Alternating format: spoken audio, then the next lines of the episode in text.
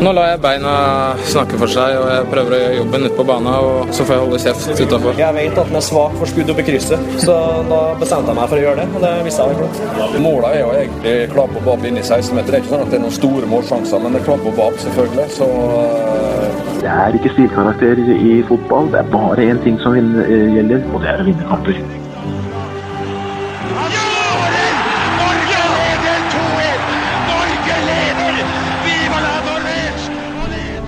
Og der er uh, toppfotball tilbake. Og nå, Lasse Wangstein, nå, endelig, har vi fått en ny landslagssjef. Ja, Det har vi venta en stund på. Og vi har irritert oss og diskutert og synsa og mast i lang, lang tid.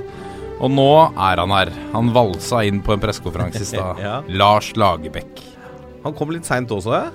Han kom seint? Ja, de satt jo opp med presidenten og infosjefen og Semb foran der. og holdt pressen litt på pinebenken da, før han eh, ble dratt inn av Sein Graff der. Så det var vel um, et lite pek i, uh, for å vise at de hadde klart å holde ganske tett, da, og det skal de ha for NFF. For det, det har ikke vært veldig mye rykter om Lagerbäck de siste ukene, i hvert fall. Nei. Men var, jeg likte måten de gjorde det på. At mm. de satte seg ned og så at de kan bare kom gående inn sammen med alle de andre, men at han ble tatt inn aleine. Ja, veldig fint. Det var jeg, Men jeg, jeg, tror det var liksom en sånn spent stemning på pressekonferansen her. Men hva skal vi snakke om framover nå i toppfotball? Dette har jo vært en sånn tilbakevendende tema uke etter uke. Hvem blir Norges nye landslagssjef? Ja. Eh, nå må du legge hodet ditt i bløt, eh, Roppestad. Hoste opp noen nye temas. Ja, noen ja, temas. Vi må gjøre det. Vi klarer sikkert det. Men eh, vi trodde jo i morges eh, Så trodde vi, etter å ha lest Verdens Gang, at vi kanskje skulle sitte og ha det første intervjuet med Norges neste landslagssjef. Um, det hadde jo vært veldig gøy. Det hadde vært, som du sa, det hadde vært tidenes skup. Ja. For en uh, bitte liten fotballpodkast. For en bitte liten fotballpodkast. Men uh, det er fortsatt, fortsatt en ære å, å, ha deg her, Leif Gunnar Smerud. Velkommen. Tusen takk. Det var, det var en del av finta, vet du. Ja. Så må skape litt blest. Ja, for dette er taktisk spill fra Norges Fotballforbund. Ja, absolutt. Det var nøye regissert. En stor del av en stor plan. Vi har, men vi har jo en landslagssjef på besøk. Uavhengig om han er eller Du er jo U21, du er nest høyest i, i, landet her, så det er jo ikke Det er jo innafor det, ja, syns jeg. Det vil jeg si. Og øh, øh, grunnen til vår spekulasjon i, i morges var jo øh, du må nesten fortelle det selv. Du ble prikka på skuldra utafor Ullevål stadion tidlig i morges. Ja, jeg gikk og ante fred og ingen fare. Jeg var på vei på jobb, og plutselig var det en som spurte om jeg skulle inn og over til landslaget, eller hva jeg skulle gjøre. Så jeg ble litt tatt på, på senga, faktisk. Så det var bare å si snakk med Nils Johan og gå inn døra og gå på jobb. Ja, for det, det jeg stusser litt på i den saken, er jo det at Eh, var det, en, var det, et sjokk for VG-journalisten at uh, U21-landslagstreneren til Norge har kontoret på Ullevål? Ja, det så jo sånn ut. Der er Smerud! Kanskje det er han? Var det det, var det tankesettet? Han skal inn der. Han skal ja. inn der, han. det er sjokkerende. Ja. ja. Nei, men det, det blei jo en eh, og, og, Men nettopp det at du At du, du sa jo ikke nei. Så, så, det var vel det, det var jo det som skapte overskriften her. Um, men uh, vi snakka jo litt om det i stad. Det blir jo litt sånn at uh, du, du, sa noe om at hvis du sier nei, så blander du deg på en måte litt inn i prosessen ved at man utelukker seg selv som kandidat. Ja, altså Nils Johan har styrt den prosessen på en bra måte. Holdt kort mm. og tett til brystet. Og jeg vet ikke, så Så jeg kunne jo sagt at nei, jeg skal ikke bli det i dag, men uh, jeg rakk ikke det. Jeg bare sa snakk med Sem og gikk inn døra. Ja, For din del så kunne det like gjerne vært at Sem hadde tenkt til å snakke med deg eh, også? Altså Jeg har ikke visst mer om dette enn noen av dere har gjort. Nei. Så, yes. sånn, sett, uh, sånn sett så måtte det bare bli sånn.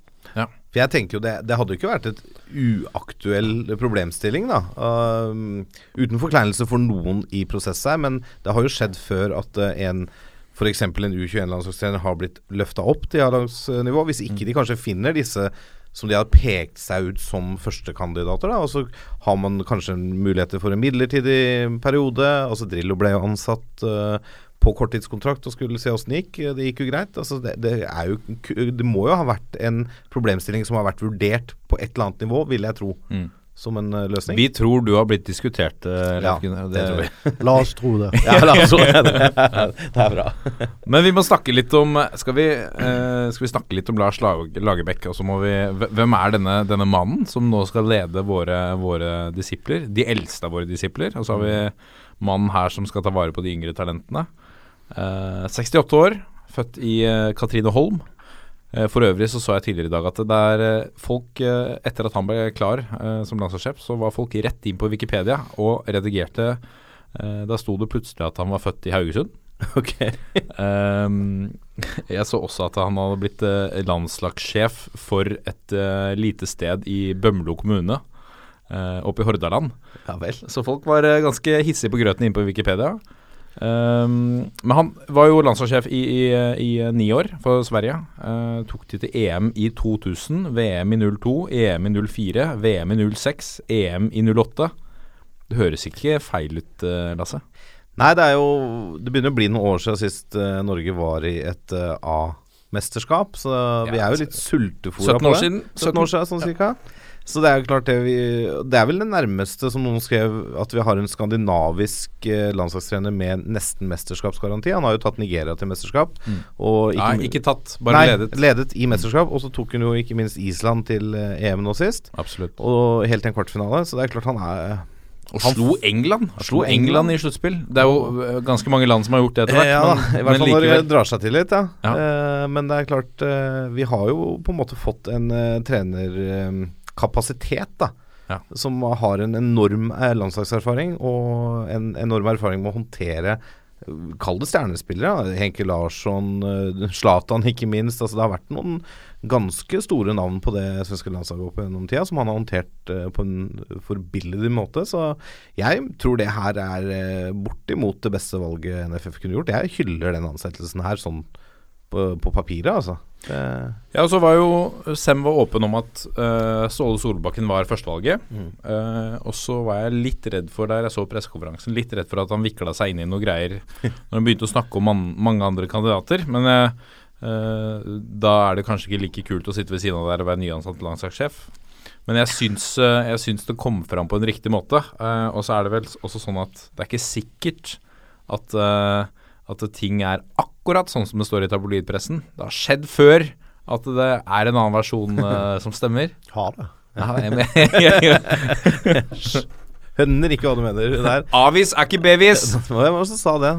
Jeg har hørt det av Jonas Støme en gang i tida. Jeg tror Avis ikke ikke det er han som har funnet det på. Nei, men det er jo godt sagt, da. Ja, det er godt sagt. Ja. Nei, jeg er nok eh, Jeg er enig i det. Også, jeg, altså, nå er jo folk veldig glad i dette ordet prosess, men jeg tror det har vært en pågående greie her med at man, man, man må ha et et sett med kandidater som man går ut til. Mm. Og så naturlig Altså Ståle Solbakken er jo naturlig eh, kandidat, tenker jeg da. Han er norsk, han har hatt suksess i utlandet. Mm. Eh, kanskje begynner å få rett alder etter hvert for en sånn A-landslagstrenerjobb. Helt naturlig at han er i dialog. Men jeg tror også at eh, Lars Lagerbäck er såpass pragmatisk og ikke minst eh, har såpass selvtillit på egne ferdigheter at han bryr seg ikke om Sem har snakka med, med Solbakken først. Ja.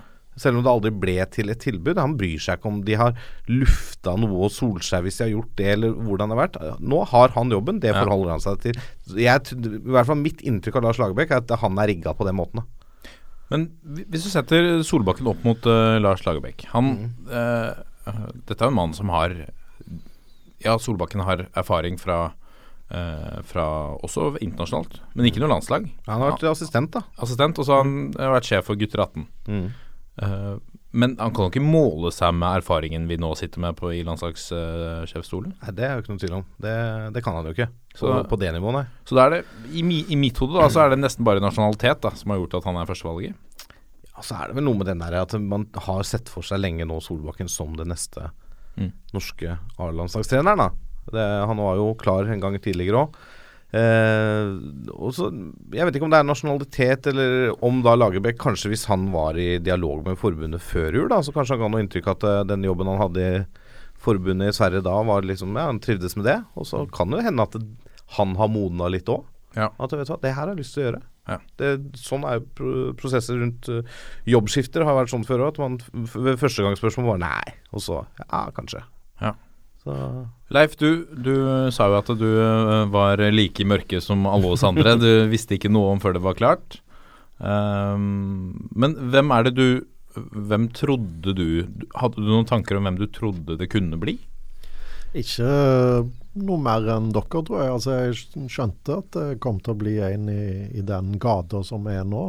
Ståle, Lars og andre som er nevnt. Det er jo i en, i en kategori trenere, en kategori spillestil med nyanser, selvfølgelig. Så, Mm. Men eh, jeg har egentlig ikke spekulert så mye i det. Eh, jeg syns de kandidatene som har vært oppe, er naturlige kandidater. og enig her. Det er jo en veldig, veldig erfaren mann Mm. med et enorm eh, CV å vise til, som har, har fått jobben. Så det blir spennende å, å møte han og, og finne ut hva han gjør, som gjør at han klarer å ta Island og, og alle de her andre landene til, til mesterskap. Ja, for har Noe man gjør ja. rett. Noe man gjør rett. Ja, for det er også interessant. Hva slags type er dette? Vi har hatt, eh, nå har vi hatt litt forskjellige typer inne. Vi hadde den eh, kanskje litt mer sånn eh, stille, rolig professoren i Drillo. Uh, Nils og Ansem, som er litt av den samme, men kanskje hakket mer uh, utadvendt. mm. Per-Mathias Høgmo med dikt og, og en del sånne sosiale tiltak for å bygge for å bygge laget på en litt annen måte. Uh, Åge Herrede kanskje litt mer som Per-Mathias. Ja, på en måte kanskje. Ja, jeg er enig i det. Og, og, og det handler jo litt om hvordan de opptrer òg, da. Mm. Altså, det er jo klart de Sånn er det jo bare i den bransjen her. Du blir jo målt også på hvordan opptrer du i pressekonferanser, i møte med, med pressen og TV-selskapene. Eh, men, men det er klart at det sånn spillestilmessig, da, hvis vi skal se på det, så, så er vi kanskje nå på vei tilbake litt til den derre Drillo-Sem-perioden, med litt mer sånn pragmatisk eh, fotball. Uh, kanskje litt mer trøkk som vi har etterlyst. da Mm. At det er litt mer løping og jaging, og at det skal gå fort framover når vi har muligheten. Mm. Men han er jo ikke en 4-5-1-mann, han er jo egentlig en 4-4-2-mann. Mm. Så blir det spennende hvordan han skal løse det. Men det går jo an å spille tett defensivt, Uh, og, og liksom på en måte være solide defensivt uh, i en 4-4-2 òg. Og også få til gode angrep og kontringer. Så jeg er litt spent på Men jeg tror han er litt mer pragmatisk i tilnærmingen enn f.eks. ønsket som Per-Mathias Høgmo hadde da han overtok, da. Uh, som kanskje, ok eh, han skal ha for at han hadde lyst til å gjøre det på den måten. Og det jo- hadde jo vært fantastisk om han hadde lykkes eh, til det fulle, for det er jo ikke noe annet vi vil enn at eh, landslaget lykkes. Men eh, når det, alt kommer til alt, så er det jo resultater det handler om på det nivået der. Det skal ikke, skal ikke utvikle spillere på A-landslaget, mener jeg da. Da skal Nei. vi ha resultater og komme til mesterskap. Det er Ja. liksom de enkle knaggene, da. Han er jo, eh, fant et sitat der hvor han sier at det har funnet en trend i svensk fotball. Dette blir veldig Skavlan-svensk. Det liker jeg. Men eh, det har funnet en trend i svensk fotball der man har forsøkt å ligne Arsenal og Barcelona. Men skal du vinne med et sånt spill, så må du være individuelt bedre enn motstanderne på nesten alle posisjoner. Har vi kanskje spilt for naivt? Har du noen tanker om det, Leif? Altså, jeg tror det er viktig å se på hva motstanderen er. Og jeg tror noe av det som, som har vært øh, eh, viktig for lag som, som skal lykkes, det å finne rett inngang til rett motstand. Mm. Uh, og det har ganske mye å si hva gjør motstanderen. Hvis den bare legger seg ned og ikke vil være med, så har du et par valg. Du kan enten klinke den opp og håpe på det beste. Uh, og spille en ganske direkte stil, eller du kan prøve å skape ubalanse på en annen måte. Eh, og så, hvis motstanderen er bedre enn deg, så, så er det en annen type utfordring. Og jeg tror noe av det som Per-Mathias prøvde på, var da mot lag der en tradisjonelt må styre kampene, fordi motstanderen gir fra seg initiativet. Eh, Så prøvde en å utvikle et større repertoar på grunnspillet. Da, sant? Eh, Og det er jo noe en ser at de beste nå klarer å kombinere. Altså Atletico Madrid mot de aller beste spiller ganske kynisk eh, det vi i Norge kaller drillofotball. Men i 90% av kampene i La Liga så evner de å spille en annen type spill. Og dette er jo fotballen. Den, den utvikler seg. Og, og du kan ikke bare spille én lenger. Før kunne du komme veldig langt med én stil. Nå tror jeg du må kunne beherske flere hvis du skal gå hele veien. Um, så kanskje i, i noen kamper uh, så er det helt nødvendig, en har ikke noe valg. Eh, ofte har en et valg, og da handler det litt om hva treneren tror på, hva han foretrekker, og hva publikum uh, syns. Eh, og i andre kamper så er det Da har du ikke et valg andre veien, for da må du ha ballen mye av tida. Så um, det er, det er Å treffe på inngangen og ha et størst mulig repertoar tror jeg er viktig. Men det går an å velge vekk å ha ballen. Og Der valgte Per-Mathias og den retningen vi gikk da. eh, Valgte vi å, å ha ballen og prøve å skape ubalanse gjennom spill. Mm. Uh, Uansett motstander. ja, altså i, i, i ganske stor grad. En vet at hvis en møter Tyskland, så, så har en ikke nødvendigvis den muligheten i særlig stor grad. Men det er jo en, en uh, avveining hva du skal prøve på. og Det Mm. handler om hva materiale har du. Uh, hva, hva er baneforholdet for den saks skyld. Um, Ungarn uh, på en eh, vanskelig bane. Uh, type kamp, hva er stemningen, hvem er i form? Mange, mange, mange ting. Så det er faglig interessant. For jeg liker litt det, det du sier der òg. nå har jeg lest litt om, om Lagerbäck og, og hva han syns og tenker om ting, og hvilken tilnærming han har. Ikke bare taktikk, men hvordan han jobber. Og jeg leste noe om at han sa at øh, når kampen begynner, så må du være ferdig. Eh, det som skjer da, skal ikke være like viktig. Det skal være forberedelsene inn til hver match, som er liksom det store arbeidet. Han undergraver litt det som Kjetil Rekdal snakker også om eh, kampledelse i verdensklasse, eh, men sier at dette er Her må vi ta alle ting eh, Ta høyde for absolutt alle ting i forkant. Eh, og så er det som skjer i de 19 minuttene, det er nesten litt sånn Det lever sitt eget liv. For han vil ikke være den mannen som står på sidelinja og skriker og roper. Han vil skrike og rope i forkant. Er, vel, eh, er vel tanken. Her, her er jo landslag interessant, og Lars er som dere er inne på ekspert på landslag. Altså, Mm. du, har, du får ofte inn spillerne en mandag, de har spilt kamp søndag. Eh, Du får de inn fra 20 forskjellige klubber og spillestiler. Og så på torsdag skal du spille mot Spania eller Tyskland eller England. Og På de dagene så skal du da selge inn et budskap, og du skal få alle til å huske hva de skal gjøre. Og Da sier det seg sjøl at du må treffe. Hvis du legger det for avansert, så vil de ikke beherske det. Selv om et klubblag kanskje kunne gjort det hvis de fikk tid, så kan ikke spillerne gjøre det. Og det å treffe der er en nøkkel. Og der tror jeg Lars og det som òg Egil holdt på med, var de var veldig gode på å treffe på de få tingene som du skal treffe på. Eh, altså ambisjonsnivået rett i forhold til landslagssettingen. Ja, det er noe med det, som du sier, det er den korte tiden man er Jeg må si vel sånn litt enkelt Du har spillerne fem ganger fem, eh, fem dager ganger fem ganger i året. Sånn nesten, da. ti dag, ni dager ganger fem i året. Ja, ikke sant. Ja, nettopp. Og da er det jo Og så sier du møtes mandag, de har spilt kamp søndag. I beste fall lørdag. Da er det restitusjon gjerne på mandag. De er, de er ikke klare for full trening på mandag, da, mange av de. Og så skal du kanskje spille inn de enkle knaggene. Og da er det klart, da må du være god på de, på de tinga. Du må det. Og du da har ofte treneren sittet i mange måneder og tenkt ut masse smarte ideer. Uh, og så vil en gjerne gjøre mye. Og det, er- det er en sånn viktig diskusjon vi har hos oss. Hvordan skal du spisse det budskapet godt og treffe på de få momentene? Uh, da sier det seg sjøl at hvis du har én veldig tydelig, klar stil over tid, så er det enklere for spillerne å komme inn i. Eh, så dette er kunsten i landslagsfotballen, det å liksom treffe på mengden. Ja, for det er vel, noe, det er vel vanskelig å drive rein spillerutvikling på det nivået der. Ja, altså på, på A-landslaget så skal han sånn sett ikke drive med, med det. Eh, jeg skal drive litt med det. Det er en av oppgavene mine. Å forberede ungguttene på å ta neste steg og bidra i deres utvikling.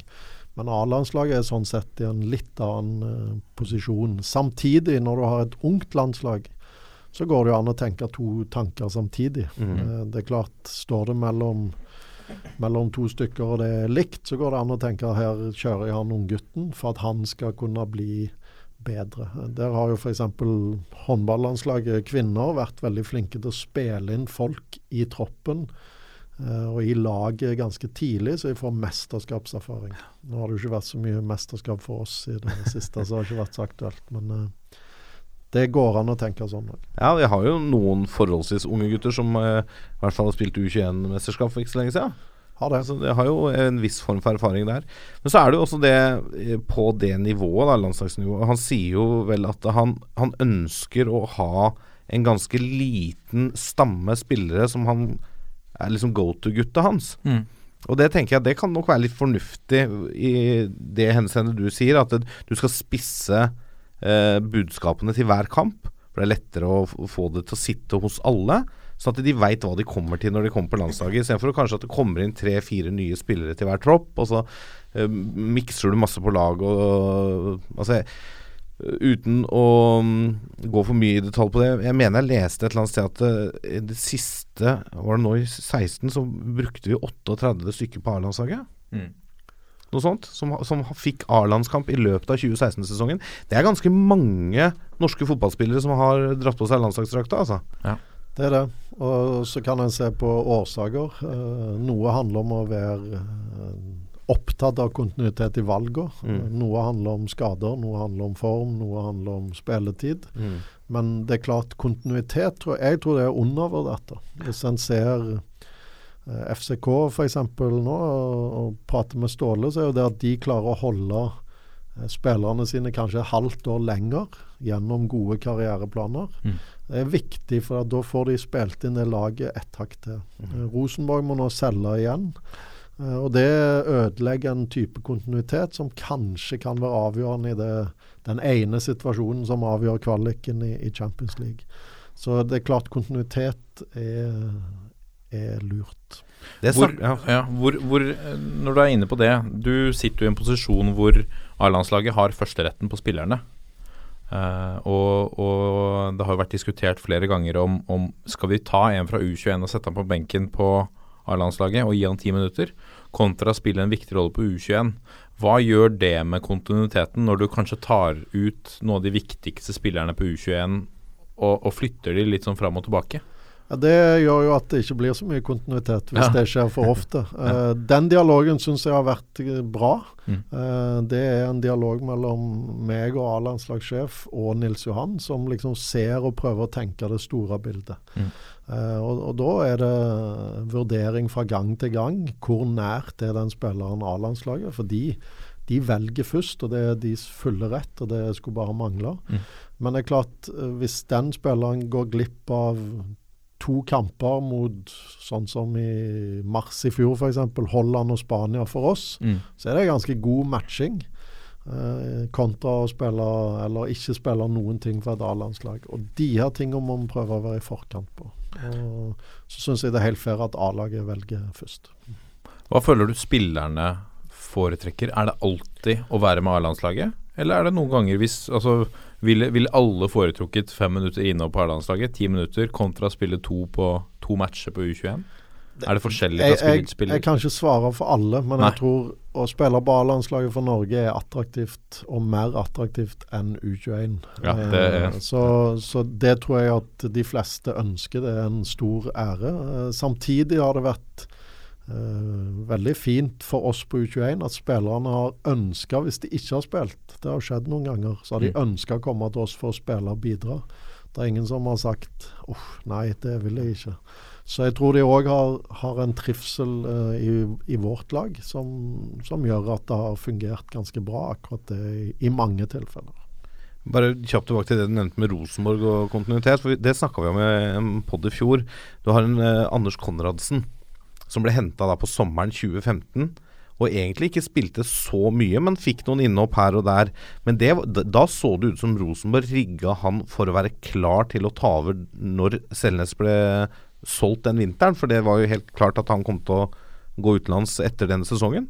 Og da, i fjor da, så var jo Konradsen en meget god midtbanespiller for Rosenborg. Og da, har da hadde de fått tid da til å hente en spiller og få han inn i systemet. Og skape den kontinuiteten ved å gi han noen drypp underveis. Istedenfor nå, da, når de mister en f.eks. en Svensson eller en Gytkjær, da.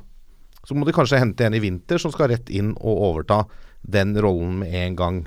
Eh, Det kan hende at det blir mer utfordrende for Rosenborg da, i sesongen som kommer. De har mista noen uh, solide typer der nå. Mm. Uh, han uh, Eyolfsson òg, selvfølgelig, midtstopperen der. Det er morsomt at du sier det, for jeg, husker så godt Nils Arne Eggen når han gikk ut og sa at uh, jeg forstår ikke uh, klubber som kjøper spiller på mandag og spiller på lørdag. For uh, de er ikke satt inn i systemet ennå. Hvordan kan du Altså Du kan kjøpe en spiller en dag, og så, og så spille med han dagen etter. Eh, og det er jo en logikk i det, og vi ser jo det i internasjonale ligaer, at det er jo det som skjer. De jobber med å få de klare så snart som mulig, så de kan kaste det innpå. Jeg tror det er veldig stor forskjell her på lagene, fordi at noen har en veldig kollektiv eh, spillestil der alt henger i hop. Mm. altså For Nils Arne var det utenkelig å kjøpe en mandag og spille han på lørdag hvis Ja. ikke han var, gikk rett inn. Eh, fordi at alt hang i hop. Mm. Uh, I en del klubber ute så henger det ikke nødvendigvis alltid i hop. Det er mer at du kjøper spillere som bare skal være seg sjøl, og så setter de sammen det, og er ikke så opptatt av kollektivet. Eh, så Sånn sett så gir det mening at noen eh, bare samler enkeltspillere og setter de utpå, og lar de være seg sjøl. Nå vet jeg at dette er en pod om norsk fotball, men jeg må bruke et eksempel fra det, det, den ene kampen i Premier League i går, Liverpool-Chelsea. Hvor du har et Chelsea-lag som spiller nesten med den samme elveren i kamp ut og kamp inn, og er så solide som de er. Og når du tenker også på hvor mye Liverpool har lidd ved at Mané har vært i Afrikamesterskapet og Coutinho var skada. Når de mister den rytmen, da For Liverpool eh, på toppnivå i denne sesongen her har jo kanskje vært det beste i England, men har kanskje ikke nok bredde i stallen, eller at de er nok samkjørt i det kollektivet, den gegenpresset som Klopp snakker om. Så har du da ikke sant, eh, Chelsea, som også litt du snakka om i stad, med spill mot spill. I går ganske solide defensivt, bruker litt tid med ballen og, og drøyer litt tid og er liksom veldig sånn fornøyde med tingenes tilstand. Men når de da møter Hull, så er det et helt annet lag med akkurat de samme spillerne som spiller på en helt annen måte. Klarer begge to, men i ramma. Og da har du på en måte Det er ikke noen tvil om at eh, det er derfor Chelsea ser ut til å ta en ganske solid eh, pokal i år. Um, nei, jeg er helt enig, og det er jo mye av det vi har snakket om. Uh, jeg skal ta den litt tilbake til, eh, til eh, Ullevål igjen. Eh, det ble også sagt på pressekonferansen i dag at uh, Lagerbäck hadde bestemt seg for en norsk assistent. Uh, og det er jo uh, Da han var på Island, så hadde han også en islandsk assistent. Han var klar på det der også. Heimir Hallgrimsson, som jo nå leder landslaget. som skrøyt av, av Lagerbäck i, i ledemåten og væremåten i form av at de hadde et samarbeid og en sånn gjensidig respekt som gjorde at han ville veldig gjerne lytte til eh, ideer. Han var veldig åpen for det. Og det overraska han med tanke på den internasjonale kapasiteten. Så her er det jo kanskje rom for en, at en assistent på sikt kan ta et steg opp.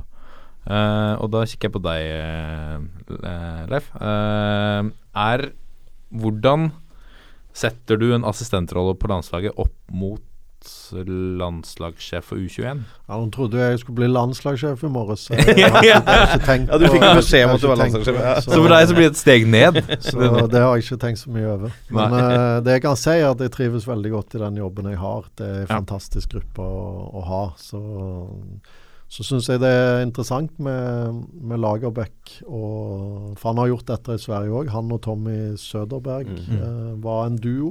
Og det er ganske vanlig i Sverige at de tenker to. eh, Og jobber to, selv om én har siste ord. Så Sånn sett så er det jo spennende at han vil ha med seg en norsk nå, og håper han finner en, en bra mann. Så får vi se hvem det blir. Jeg er litt spent på det. Også, Du skal ikke glemme heller da at du har jo et team som var med A-landslaget under Høgmo, Mm. som så vidt jeg veit fortsatt er på kontrakt, de fleste av de, og har jobb i NFF. Uh, så det er jo noen, noen kabaler der som sikkert skal uh, slå seg Gå i hop der òg. Jeg vet ikke om det gjelder assistenttrenerrollen Ja, Martin, det Martin Foysen gikk til Godset Ja, det vel, det. med Skullerud. Ja, men uh, eh, dette har kanskje du mer oversikt over enn oss? eh. Jeg har litt for liten oversikt over akkurat tilstanden. Men Ja uh, Frode Grodås er jo ansatt i NFF Ja, ikke sant? ennå, f.eks. Keepertrener. ja. Eh, Hva med Torske? Han er òg, men han er i en stilling som fagansvarlig. Så jeg tror ikke han har noe kontraktsforhold med A-landslaget. Nei, nå. Ja.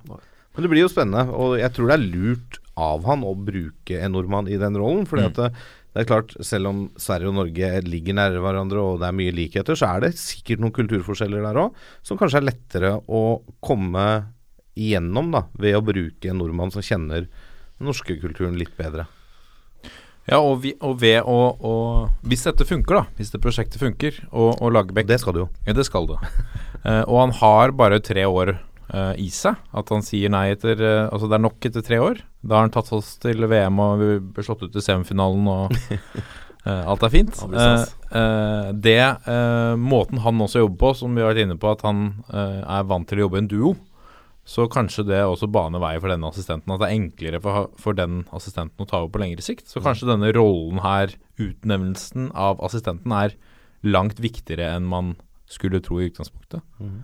Kan hende. Uh, har, du noe, har du noen forslag til assistenter, eh, Lasse? Jeg, vi, jeg mener jo vi har en her som burde være en, en åpenbar kandidat. Ja. Uh, fordi han kjenner en, mange av gutta som nå skal igjennom eh, A-landslaget. Mm. Eh, noen av de du har hatt, er vel eh, for gamle blitt. Og noen av de som eh, er på U21-nivå, bør vel nærme seg å være gode nok til å kunne banke på en A-landslagsdør, vil jeg tro. Mm. Eh, ellers så er jeg litt usikker på eh, liksom hvilke type skal vi ha som er ledig nå, da. For noen av de navnene man kanskje tenker seg som kunne passe i en sånn rolle, er jo enten i jobber nå, som de kanskje vil ha selv, eller er mer sånn hovedtrenertyper, eller ønsker selv å være det. Uh, så jeg kommer ikke på noe sånn umiddelbare Altså, jeg, jeg ville jo tenkt sånn før oktober 2016 at det, en Tor Ole Skullerud f.eks. kunne vært en fin uh, kandidat i et team med uh, Lagerbäck. Eh, Jeg har veldig sans for Tor Ole som både type og, og fotballperson. Mm. Eh, det kan godt hende at en Kåre Ingebrigtsen kunne vært det også, men han har jo sagt at det er uaktuelt å ta han som landslagssjef òg, selv om han helt Det er vel ingen som er hovedtrener i Tippeligaen nå som Nei, det er det mener. Det er det jeg mener ikke sant? Og da, hvem, hvem sitter vi igjen med da? Som, sånn på Per Joar Hansen, Ja, er ikke han ledig på jo, Han er ledig på markedet. Kanskje.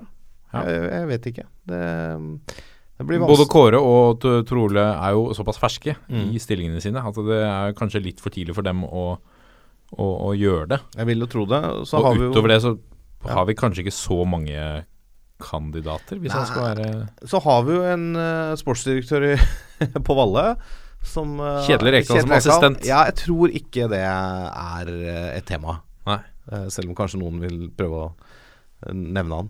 Han har jo sagt sjøl at han har lyst til å være landslagstrener en gang, men jeg tror ikke det er i den rollen han så for seg da. Nei. Du seiler opp som uh, førstekandidat uh, fra studio her, uh, Leif Gunnar. Ja, jeg tar imot, tar imot. Ja. Men uh, som sagt, jeg trives godt. Ja. Vi skal smyge oss videre vi før det blir altfor ubehagelig for deg. Takk. Eh, takk.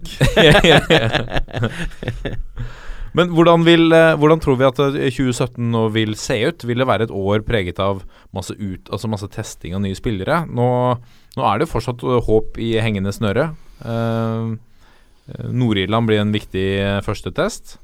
Hva eh, er Dersom vi blir hektet av, er det riktig å prøve å vinne alle resten av matchene, eller er det riktig å teste nye spillere? Hva ville du gjort, Leif Gunnar? Hvis vi er hekta av.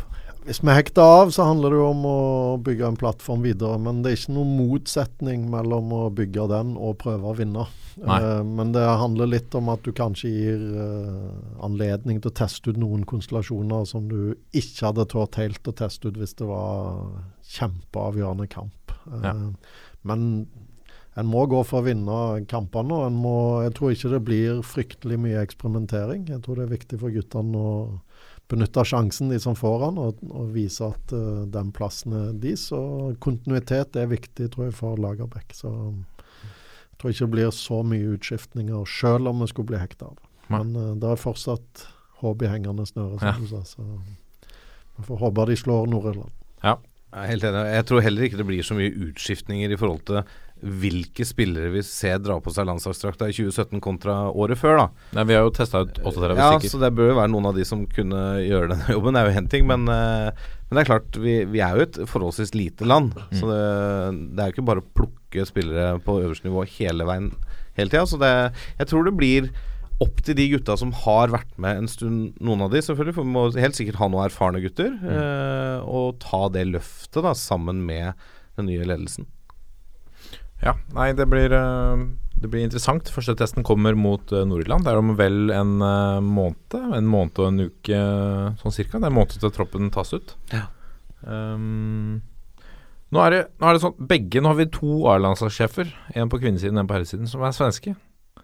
Uh, Lars Lagerbäck ble kåra til eh, Sveriges kjedeligste mann av en TV-stasjon der borte. Og det eh, Noen vil si at det er urovekkende at vi har to svensker på toppen.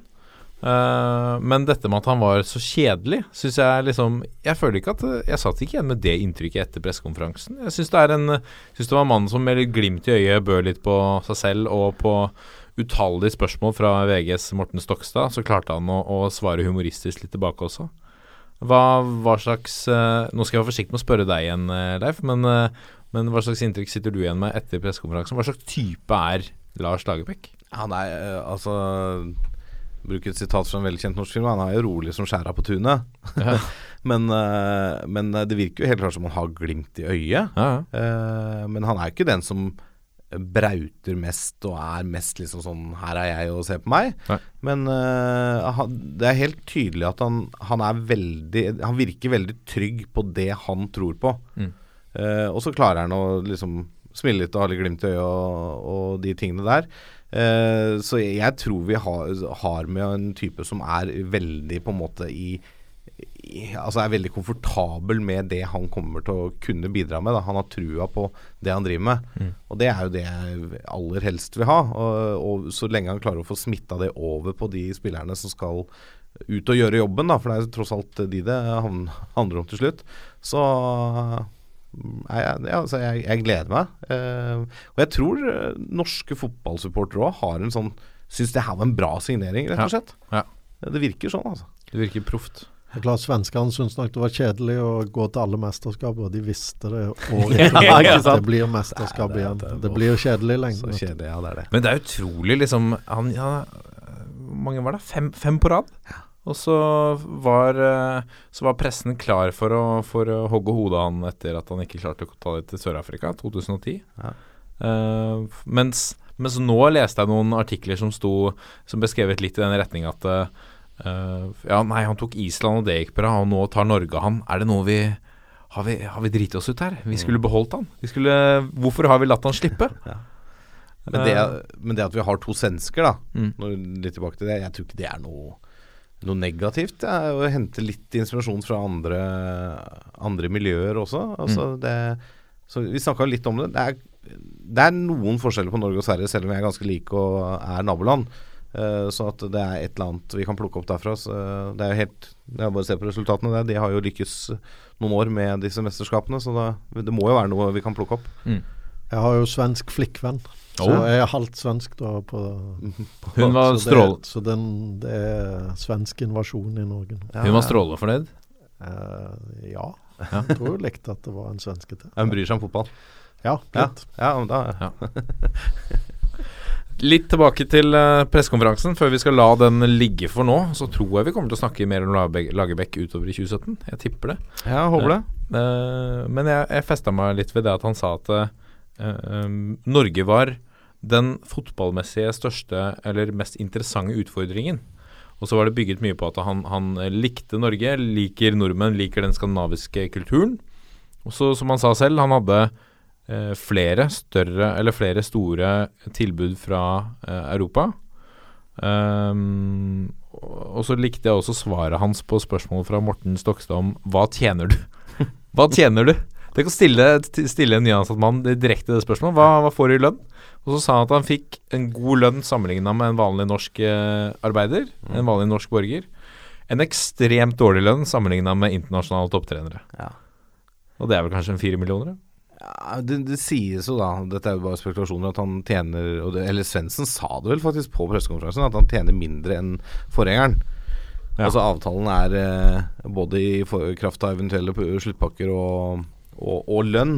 Eh, og så er det mer resultatbasert. men, uh, men det er jo sånn der klassisk norsk eh, innstilling til ting. da Hva tjener du? Ja, ja. Det er, Første, altså, første spørsmål. ja, Det første spørsmålet du får omtrent, er liksom hvor, hvor mye penger får du for å ta denne jobben, liksom. Ja. Jeg syns det blir så, så feil uh, fokus på det. da Ja. Altså, jeg, jeg mener hvis Fotballforbundet har råd, og vi finner rett mann, så bryr ikke jeg meg så mye om han får to millioner eller syv millioner, eller for den saks skyld ti millioner, Nei. så lenge vi har penger til det. Ja. Eh, For meg som fotballsupporter så handler det om at dette landslaget skal vinne flest mulig kamper og helst komme til noe mesterskap, så vi får noen eh, opplevelser som vi hadde på 90-tallet og begynnelsen av 2000 så vidt. Det er det jeg har lyst til å se, og da er det altså Det, er jo helt irrelevant da hvor mye denne svensken tjener, Ja. mener jeg, da. Men Smerud, lønna til Smerud Ja, skal vi snakke om. hvor mye tjener du? Nok til salt på brød. Vi går videre. Ja, vi går videre. Johan. jeg har lyst til å trekke fram, før vi går videre til, uh, til å snakke mer om deg, Leif Gunnar, ikke om lønna, men om helt andre ting. Uh, var det noen som hørte en liten gutt fra Vålerenga TV eller noe lignende, som stilte spørsmål til Lars Lagerbäck. Hva er triksrekorden din?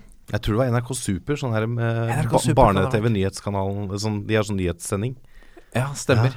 Hva er triksrekorden din? Ja. Fikk jeg stilt den til Lars Lagerbäck. Og så sa Lars Lagerbäck nei, det, når, jeg var, når jeg var liten, så Når jeg var yngre, så var det kanskje en hundre. Og så avbryter han fra NRK Super, og så sier han kan du svare kjappere, for jeg har det på Snapchat. Du svarer for langt. Og så måtte han, nye landslagssjefen må sitte, ble irettesatt av en liten gutt, Ja. Og må, må, måtte komprimere svaret litt mer. Jeg syns det var en fin, eh, fin greie. Ja, jeg skjønte Med en gang jeg hørte spørsmålet, så skjønte jeg ikke at det kunne komme fra et barn. Så jeg bare tenkte Så du trodde det var Tom Nordli?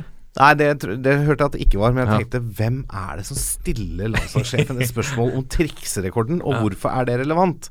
Så blei jeg i hermetegn irettesatt på Twitter da med at eh, Nei, det var, det var NRK Super. Da, da er det greit, liksom. De, det spørsmålet kan de få lov å stille. Men jeg tror ikke Lars Lagerbäck eh, forholder seg veldig mye til Snapchat. Så Uten at jeg vet. Det er bare rein, vill spekulasjon. Dette er toppfotball. Men nå skal vi vie litt plass og fokus til eh, U21-landslaget og sjefen. Uh, Leif Gunnar Smerud. Eh, for mange så er du jo kjent som fotballspilleren.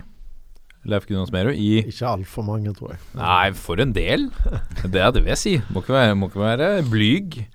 Uh, i, uh, ut fra det jeg har hentet ut eller fått fram, uh, spilt i Vidar. To år i Lillestrøm. Tre. Tre år i Lillestrøm. Deretter i Viking, og så tilbake til Vidar på lån. Ja. I, mens jeg var i Viking. Ja, stemmer. Uh, Mandalskameratene. Uh, og så avslutta du i Lyn i 2000 og, Yes. fra 04 til 05. Stemmer. Det var før alt gikk på tverke. Mm. Ja, Lyn tok jo bronse siste året ditt? Ja. Tror eh, når Vålerenga vant. Ja, stemmer. Du la opp på rett tidspunkt. Jeg ga meg da. Ja, og det var jo Altså Hvis du ser på den sesongen, bare ta det veldig kjapt. Mm. Det var ikke veldig langt unna til det seriegullet kunne havna på Oslo vest istedenfor på Oslo øst. Altså. Nei. For det var vel den nest siste kampen i Var det Ålesund, eller Det var jo det, Altså Lyn var ikke veldig langt bak Start og Vålerenga uh, når det var- sto igjen to runder. Nei. Nei. Det, jeg tror både Start og Vålerenga sprakk ganske kraftig Ja, det- den høsten. Så det har du helt rett i. vi sprakk ikke, som vi knappa innpå, men uh, hele veien gikk det ikke. Nei. Men så har du jo spilt på uh, U15, U17, U18 og U20-landslaget. Så du har jo din uh, spillererfaring også fra, fra aldersbestemte landslag. Mm. Hvordan, når du selv nå har ansvar for uh, Altså, dette er jo de, det eldste da, av de aldersbestemte landslagene.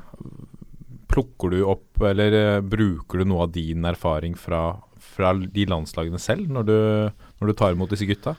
Det gjør jeg sikkert. Eh, Mm. jeg husker i hvert fall veldig godt hvordan det var på landslaget. Ja. Eh, og U21 ble jo kjent med på gamle Stavanger stadion når de slo, Viki, nei, slo Italia stort. 6-0 eller 6-1. Ja.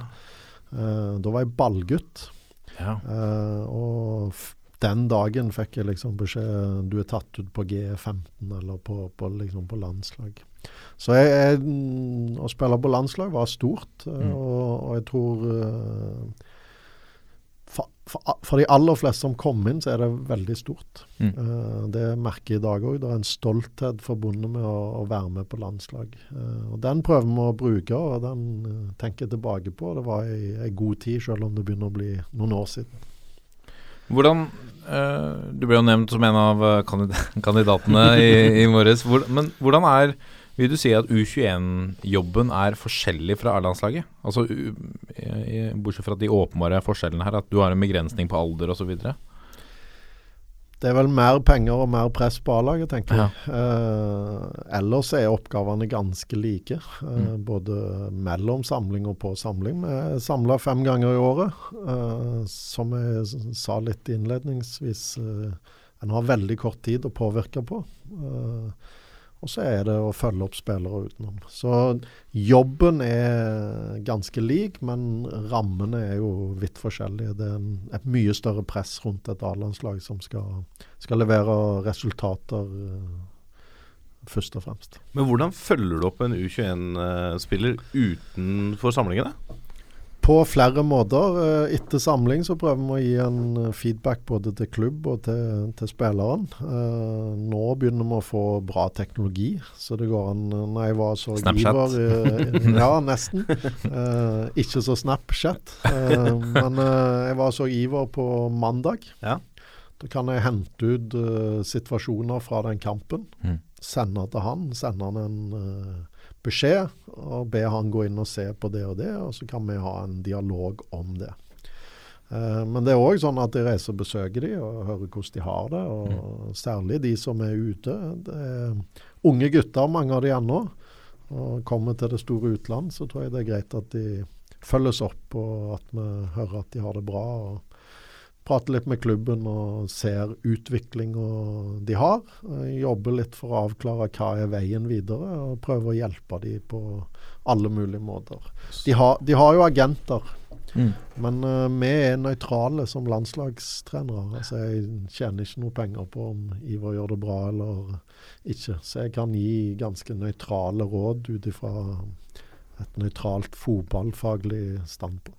Så dere, altså den jobben er eh, vel så mye å følge opp norske proffer i utlandet på en måte, da? Altså, Ja, og i Norge. Ja, Eh, reise og besøke og, og prøve å holde en tett dialog. I Norge det Vi har et bra klima. Jeg syns klubbtrenerne er flinke til å, å se verdien i landslag. Og vi har en fin dialog om spillerne.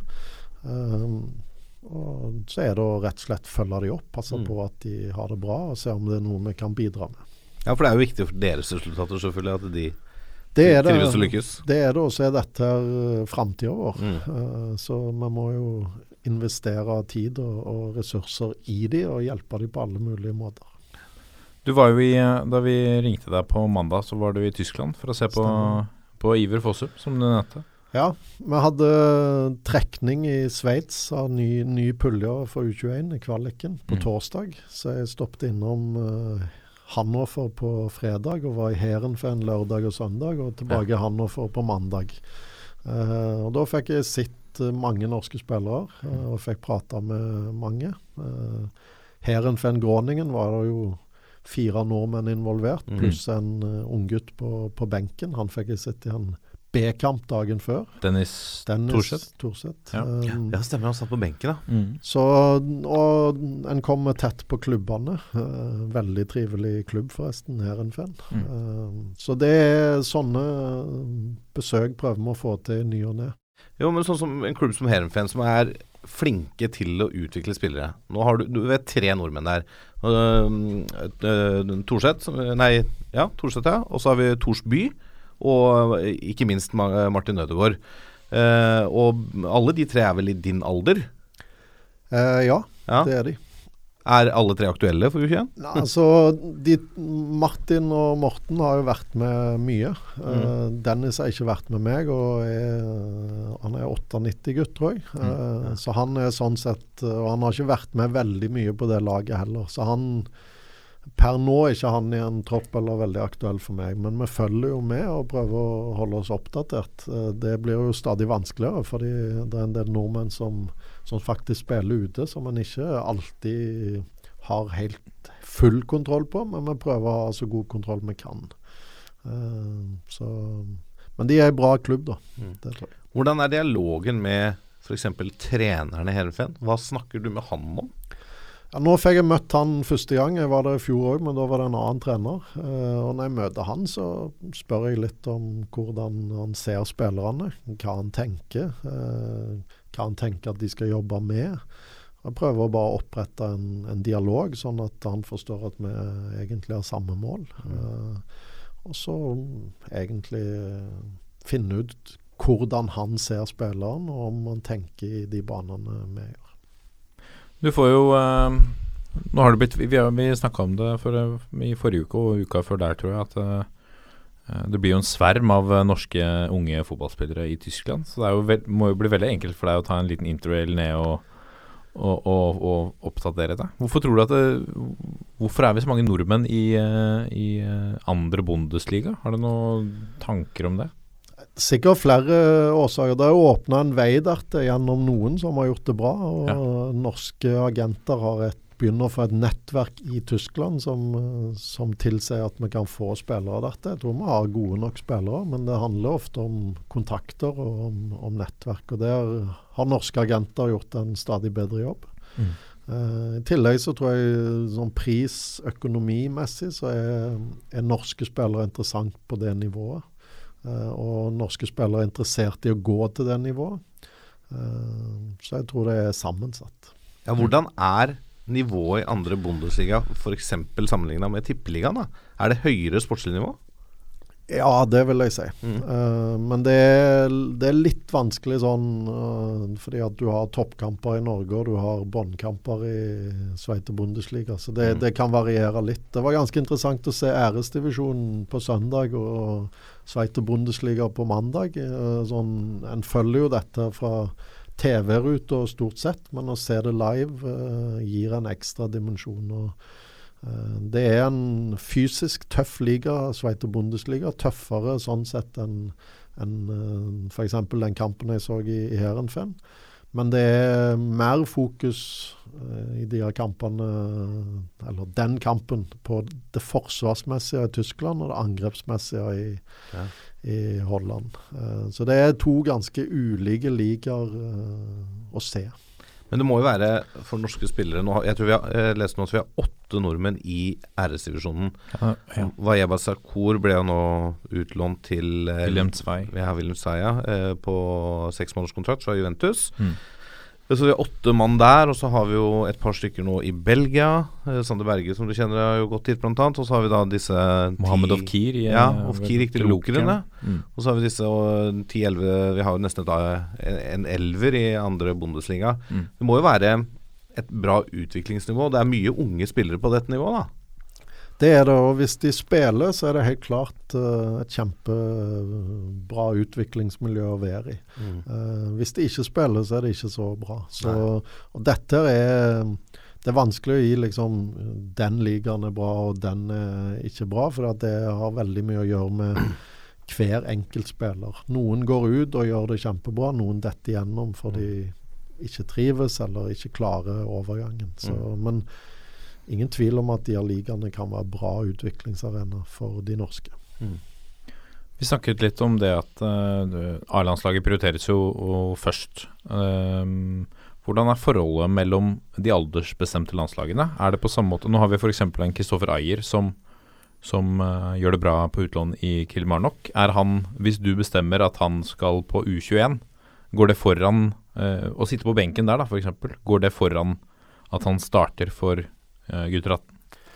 Hovedregelen her er at hvis spilleren eh, skal løftes opp, så skal han være veldig nært eh, startelveren. Spille eller komme inn, stort sett. Eh, og hver enkelt situasjon vurderes igjen. Da tar vi en prat med trenere, og igjen er Nils Johan involvert i den prosessen.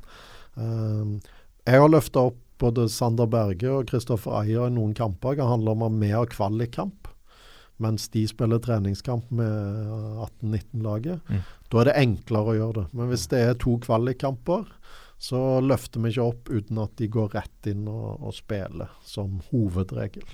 Og da tilbake til det vi var så vidt innom i stad. Men når det gjelder A-landslaget, så kan A-landslagstreneren si at han skal jeg ha, og han kan sitte på benken i to kamper, selv om du hadde hatt bruk for han. Ja, og det kan sikkert jeg òg gjør, hvis jeg absolutt vil. Mhm. Eh, For jeg kan bare si jeg har tenkt at han skal spille, og så lyve. Men eh, så, sånn, Ja, men- sånn gjør vi det ikke. Og Men det kan jo være at du har tenkt at, han, at en sånn type kan, kan det hende at du trenger. Ja. Ja. Og, og det er jo de her vurderingene da vi sitter og gjør. sant? Mm. Og, og som jeg sa, så har dette fungert bra både opp og ned. fordi at vi, vi er tett på spillerne, og vi er tett på hverandre. Og vet da sånn halvveis at nå har han slått seg inn, og han gjort det såpass bra at nå er det på tide å ta inn han. Mm. Um, så det er en del av jobben vår å gjøre disse vurderingene. Men hovedregelen er at vi løfter ikke opp hvis ikke de er veldig nært elveren og får erfaring der. Da er det bedre at de spiller på sitt nivå. 13.6 så sparker dere i gang eh, EM-kvaliken Yes. til eh, Italia 2019. Ja. Det blir veldig spennende. Uh, det ble jo trukket en kvalikgruppe her, var det forrige uke, som du var på? Ja. Norge, Tyskland, Israel, Irland, Aserbajdsjan og Kosovo. Deres første, vel, eh, første kvalifisering som selvstendig nasjon. Stemmer visstnok det, ja. Ja. De er vel med nå også ikke i denne kvalifiseringen som går nå. De kommer til å komme neste gang, da. på Nei, er de ikke med nå? De er kanskje med nå? Spilte ikke denne Berisha-gutten og skåra det første målet mot Finland eller noe sånt? Ja, hei sann. Jeg lurer på om det er i kvalik, altså på, Ja. på A-nivå, men jeg tror det er første U21-kvaliken, ja. Ja. Mm. Men hvor, hvor godt Dette er jo eh, de andre landslagene i denne gruppa. Du har jo store nasjoner her, som, eh, som Tyskland f.eks. Hvor godt kjenner du de andre lagene i, eh, i gruppa? I dag ikke godt, uh, men eh, 13.6 så godt Veldig som godt. mulig. Uh, Irland spiller mot Kosovo i mars, så de får vi sett begge to. Eh, Tyskland skal jo i, i, i mesterskapet, så de har egentlig ikke starta helt med det laget, så det er vanskelig å vite. Mm. Men eh, her lener vi oss på videoen så snapp, eh, kjapt vi kan. Eh, det, er også, det går an å jukse litt og se på generasjonen. Nå er det jo 96-97, og se hva de har gjort i U19-EM f.eks. Ja. Eh, så vi har ganske bra kontroll når vi kommer til kampene. Det har vi.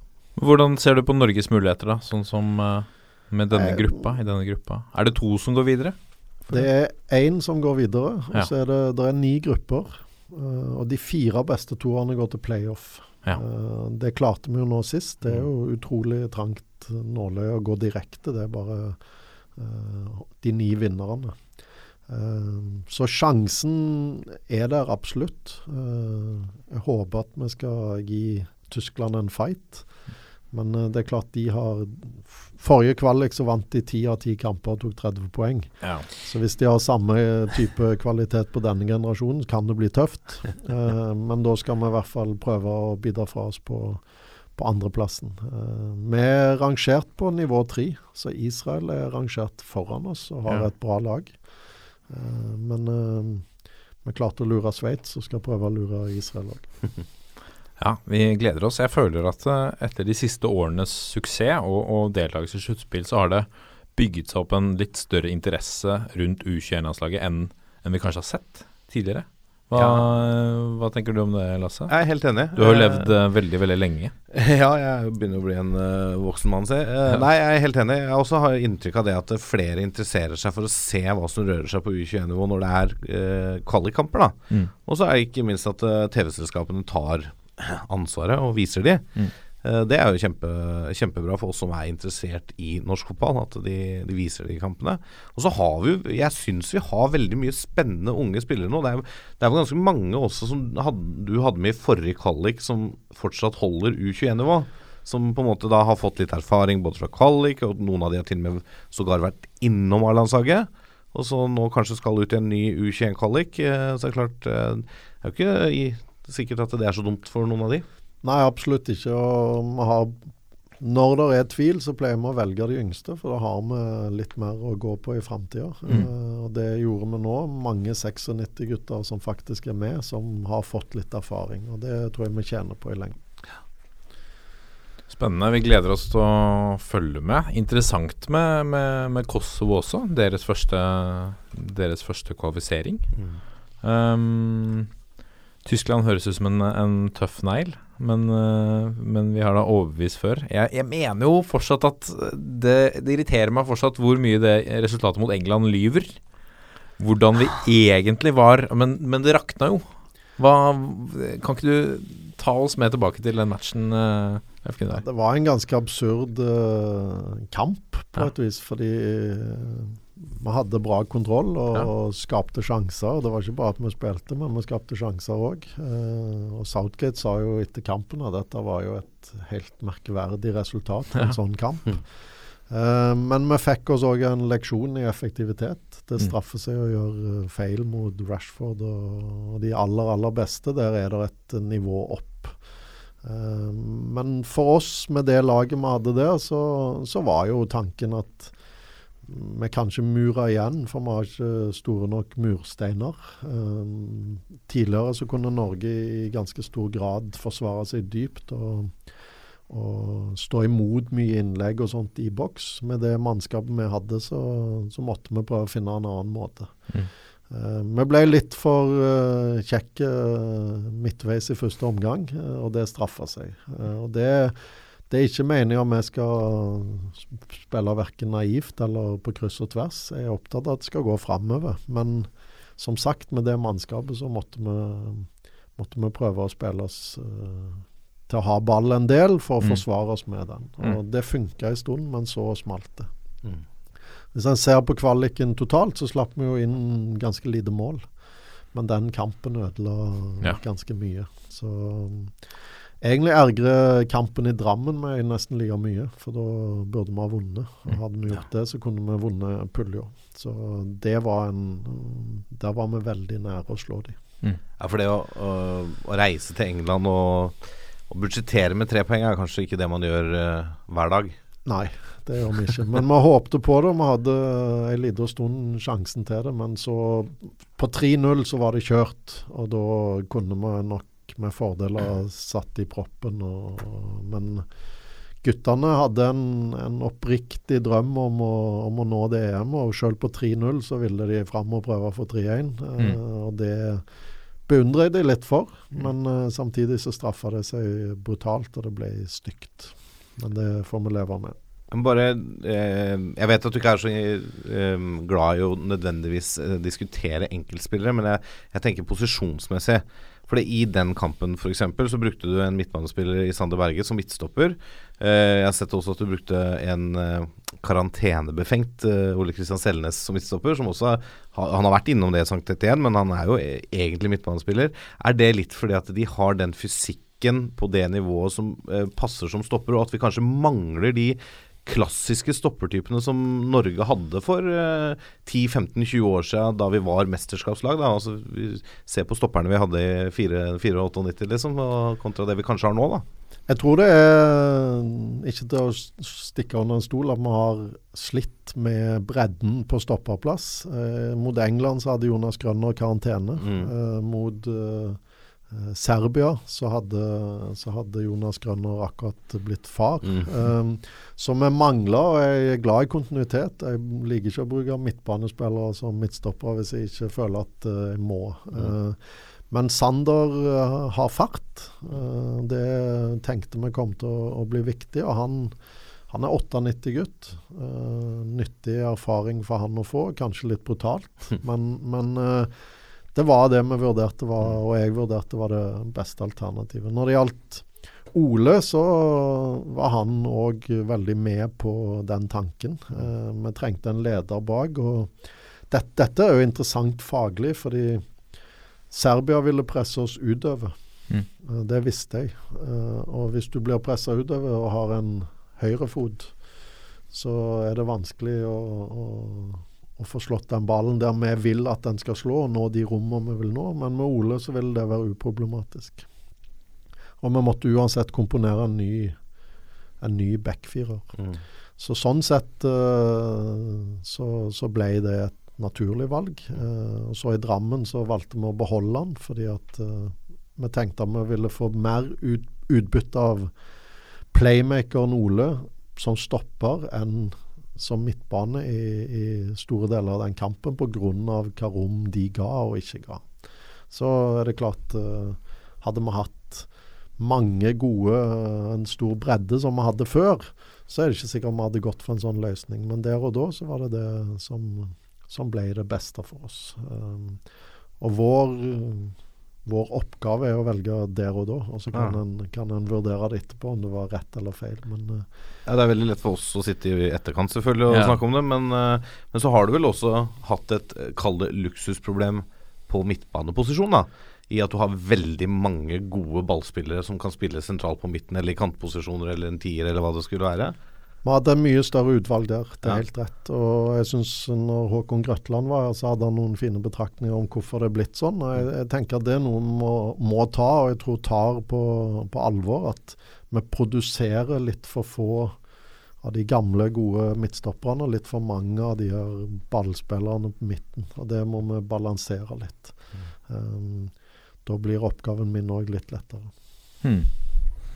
Men det, det er klart at folk lurer. eh, Ja, jo. og, og, og det er jo av og til litt synd at vi ikke kan gå i dybden på de her vurderingene. Fordi at eh, det ligger som regel både én og to og tre forhold bak. eh, hvorfor spilte ikke Jakob Glesnes i Serbia? Stoppa jo fordi han hadde skade og ikke kunne spille en full kamp. Skal du da starte med en som kanskje må ut etter to minutter?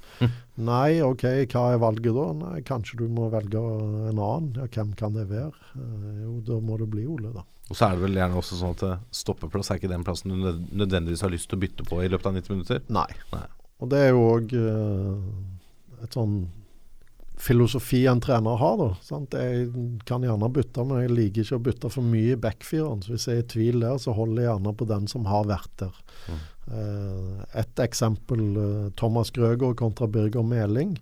Hvis det er jevnt, eller hvis Birger begynner å puste i nakken, så gir jeg kanskje Thomas én ekstra fordi at jeg, jeg vil beholde samme backfirer. Jeg vet at det gir stabilitet. Så Birger kan være på vei til å bli bedre, men Thomas kanskje er bedre sammen med. Eh, og så er det da lett å si etterpå om det var rett eller feil. Uh, og vi må gjøre vurderingene der og da, og treffe av og til og bomme av og til. U21 jeg føler jeg har fått et nytt landslag jeg kan følge med på. Og det har de siste årene vært eh, veldig flott eh, å kunne ha en, eh, et ekstra norsk landslag å se på. Når det har gått trått ett sted, så har det gått litt bedre på U21. Det har vært veldig deilig. Ja, det var- altså det var stort med dette mesterskapet hvor det ble, ble bronse. Og det, det har vært morsomt å følge de siste kvalifiseringene hvor vi har vært og kjempa der om, med playoff-kamper og sånne ting. Det, er, det har vært morsomt. Og vi snakka jo om den England-kampen, altså de første 25 minuttene der. Vi satt jo alle og tenkte herregud, se på det her. Dette er fremtida, altså. Nå, de rundspilte England. Ja, det er jo Jeg syns jo det er spennende, fordi at det er veldig mye gode spillere, men det er rett før de slår skikkelig til. Eh, I det engelske laget så er det jo Dyer og det er Dela Ali i, Drammen, og det er Rashford og Loftus Cheek. Det er gode spillere. Når vi møter Spania og Holland, så er det, det er topp europeisk klasse. Eh, og det er utrolig nyttig for våre spillere å møte den type kvalitet. Og UD er U21 ganske stort. Uh, spiller du i Spania, så er det 15 000 fort på, på kamp. Så jeg er jo glad òg for at, at U21 blir lagt merke til i Norge. Jeg syns guttene fortjener det. Vi skal, eh, vi skal ta noen spørsmål fra sosiale medier. Da vi, da vi la ut at du kom på besøk, så, så tikka det inn spørsmål. Og så tikka det jo inn enda flere spørsmål i morges. Eh, noen av de har jo blitt litt irrelevante. Eh, Petter Wæland bl.a. spurte om eh, eh, Kan du spørre han om han blir landslagssjef? Og da visst, så svarte jeg tilbake at eh, eh, jeg tror nok det svaret er besvart før, før vi setter oss i studio. Ja. Men før det så må vi høre uh, Kan bare ta den, Lasse. Nei, jeg legger på. Ja. Hvis ikke det er Kjetil Rekdal. Hvis det er Kjetil Rekdal, så må du ta den. Det var ikke Reka. Um, Det var Lagerbäck som sa at han, han ble landslagsspiller. uh, litt kort på slutten på, på ditt forhold til eh, norsk fotball, eh, Leif Gunnar. Hva, uh, hvem er din norske favorittspiller gjennom tidene? Det har jeg tenkt litt på etter jeg fikk dette spørsmålet. Eh, jeg tror jeg skal dra fram tre. Ja. Den første var Tonning Hammer.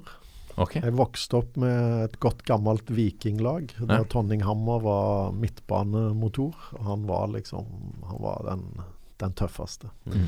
Eh, så han er en vikinglegende som, som jeg beit meg merke. Så Den som jeg kanskje har hatt det tetteste forholdet til, er Jan Fjetland. Eh, som var Han spilte eh, 500 kamper i Vidar. Så tror jeg han spilte 15 eller noe sånt for Viking. Men Ja. han var med og vant cupfinalen. Ja. Det var han og Alf Kåre Tveit på topp. Og Jan Fjetland var et enormt stort talent. Eh, han eh, var aktuell til å etterfølge Cruyff, så vidt jeg vet. eh, og var meget høyt ansett, men var òg en veldig spesiell fyr. Mm. Så Hvordan, hvordan da? han var spiss. Ja. Å være spiss på landslag og sånt på 80-tallet i Norge var ikke like gøy. Det var greit at landslaget ikke har gjort det superbra de siste åra, men det var noen tunge perioder eh, tidligere òg. eh, og Vidar-ledelsen begynte å bli litt fortvila, tror jeg, fordi at Jan ville ikke. Så han sa nei, jeg vil ikke reise på landslaget. Oh, ja. Så, ja. Han takka Han nei. nei? Ehm, og de var litt sånn Han er skada. Og så sa de til slutt liksom "Jeg- Jan, vi kan ikke si dette Uh, oh, ja, for de skamma seg litt over at han takka ja, jeg nei? tror det. Ja. Og så, så sa han jeg bare si at jeg skal klippe av plenen til bestemor mi. så det ble, det ble jo overskrifta. At uh, Fjetland vil ikke på landslaget. Men han var en, en fantastisk fotballspiller. Spilte mm. sammen med broren Egil. uh, tvillingbror.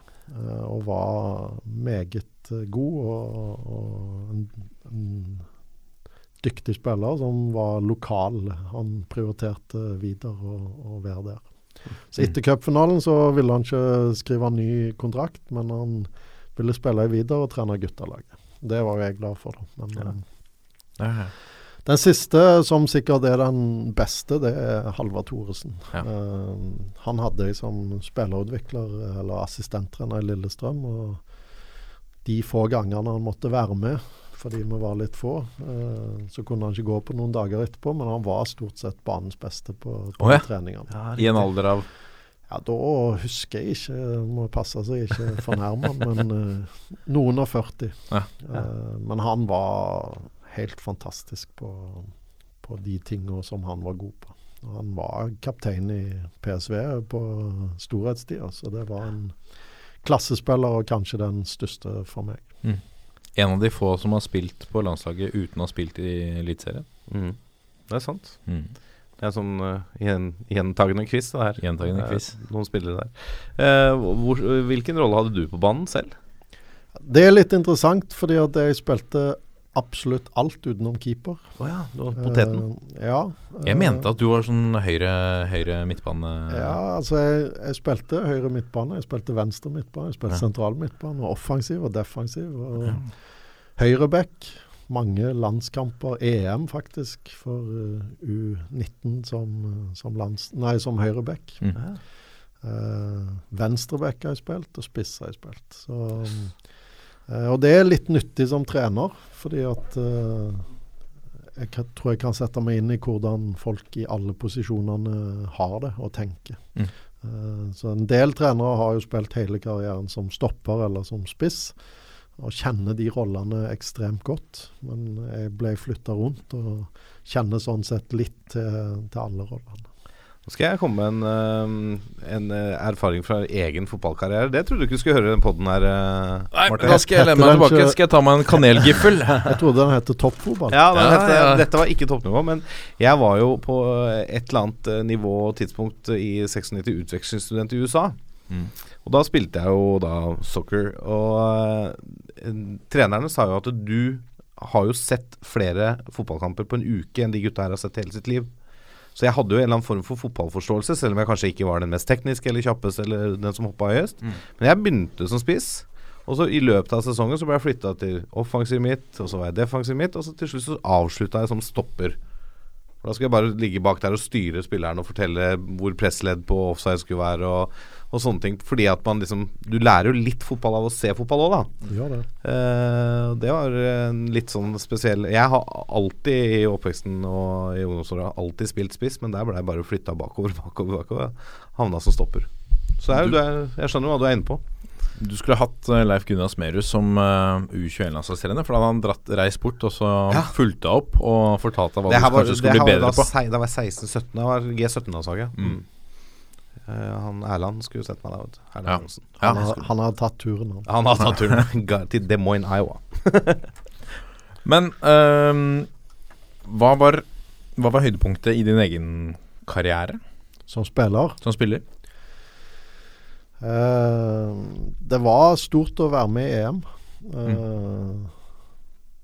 det, det er litt feil å si høydepunktet var å bli finta i pølsebua av Totti, men det er ikke så langt unna. uh, vi spilte mot Italia i EM. Uh, På hvilket Eh, U19. Ja. Eh, U18, U19. Mm. Eh, med Buffon og Ambrosini og Totti og de her guttene. Det, var- det var et godt lag. Vi leda 1-0. Vi hadde jo Steffen Iversen blant Mm. annet. Hadde et bra lag. Men lånte ikke ballen og fikk en leksjon. Tapte 2-1. Um, så Det var en sånn ting som du, du husker være i mesterskapet. Derfor eh, tenker jeg den, den drømmen uh, som guttene har om det, det forstår jeg veldig godt. og håper vi kan oppleve noe lignende. Ellers så har jeg uh, minner fra Europacup. Vi spilte mot Hertha Berlin. Det fikk jeg spille til og med. Mhm. Olympiastadion i Berlin, det var kult. Mm. Eh, var involvert, fikk ikke spille, men var involvert i noen cupfinaler. Eh, og hadde en, en fin uh, opplevelse i Mandal, når vi slo Start tre ganger på et år. Det var Ja, for da som- var- Stemmer det. Når alt går på skinner, så er det jo greit å være fotballspiller. Det året gjorde fram til sommeren der, var det stort. Så det var kult. Men dette mesterskapet som du sier, var det Det var ikke det som ble spilt her hjemme? Nei, det ble Nei. spilt i Hellas. Ja, riktig. Det Eh, var det. så, Mm. ja. Men fi, fine Altså, en husker jo gjerne der en opplever gode ting sammen med gode folk, og mange av de her eh, er jo i fotballen i dag. Eh, Erik Bakke, Ja. Martin Andresen har vel han gitt seg. Eh, Torstein Helstad, Steffen. Det var en, var en fin gjeng. Freddy Dos Santos, Hassan El Fakiri. Ja, det var det laget. Var det laget og mange tok steget videre og var med i EM for U21 og tok vel bronse. Ja. Og tok steget opp på A-landslaget. Så en veldig fin, fin opplevelse. Det er jo det vi har venta på. Det laget som tok bronse for noen år tilbake. Ja. Ta, ta, for det, det blei jo produsert noen A-landslagsspillere, som du sier, i det 98-laget. Mm.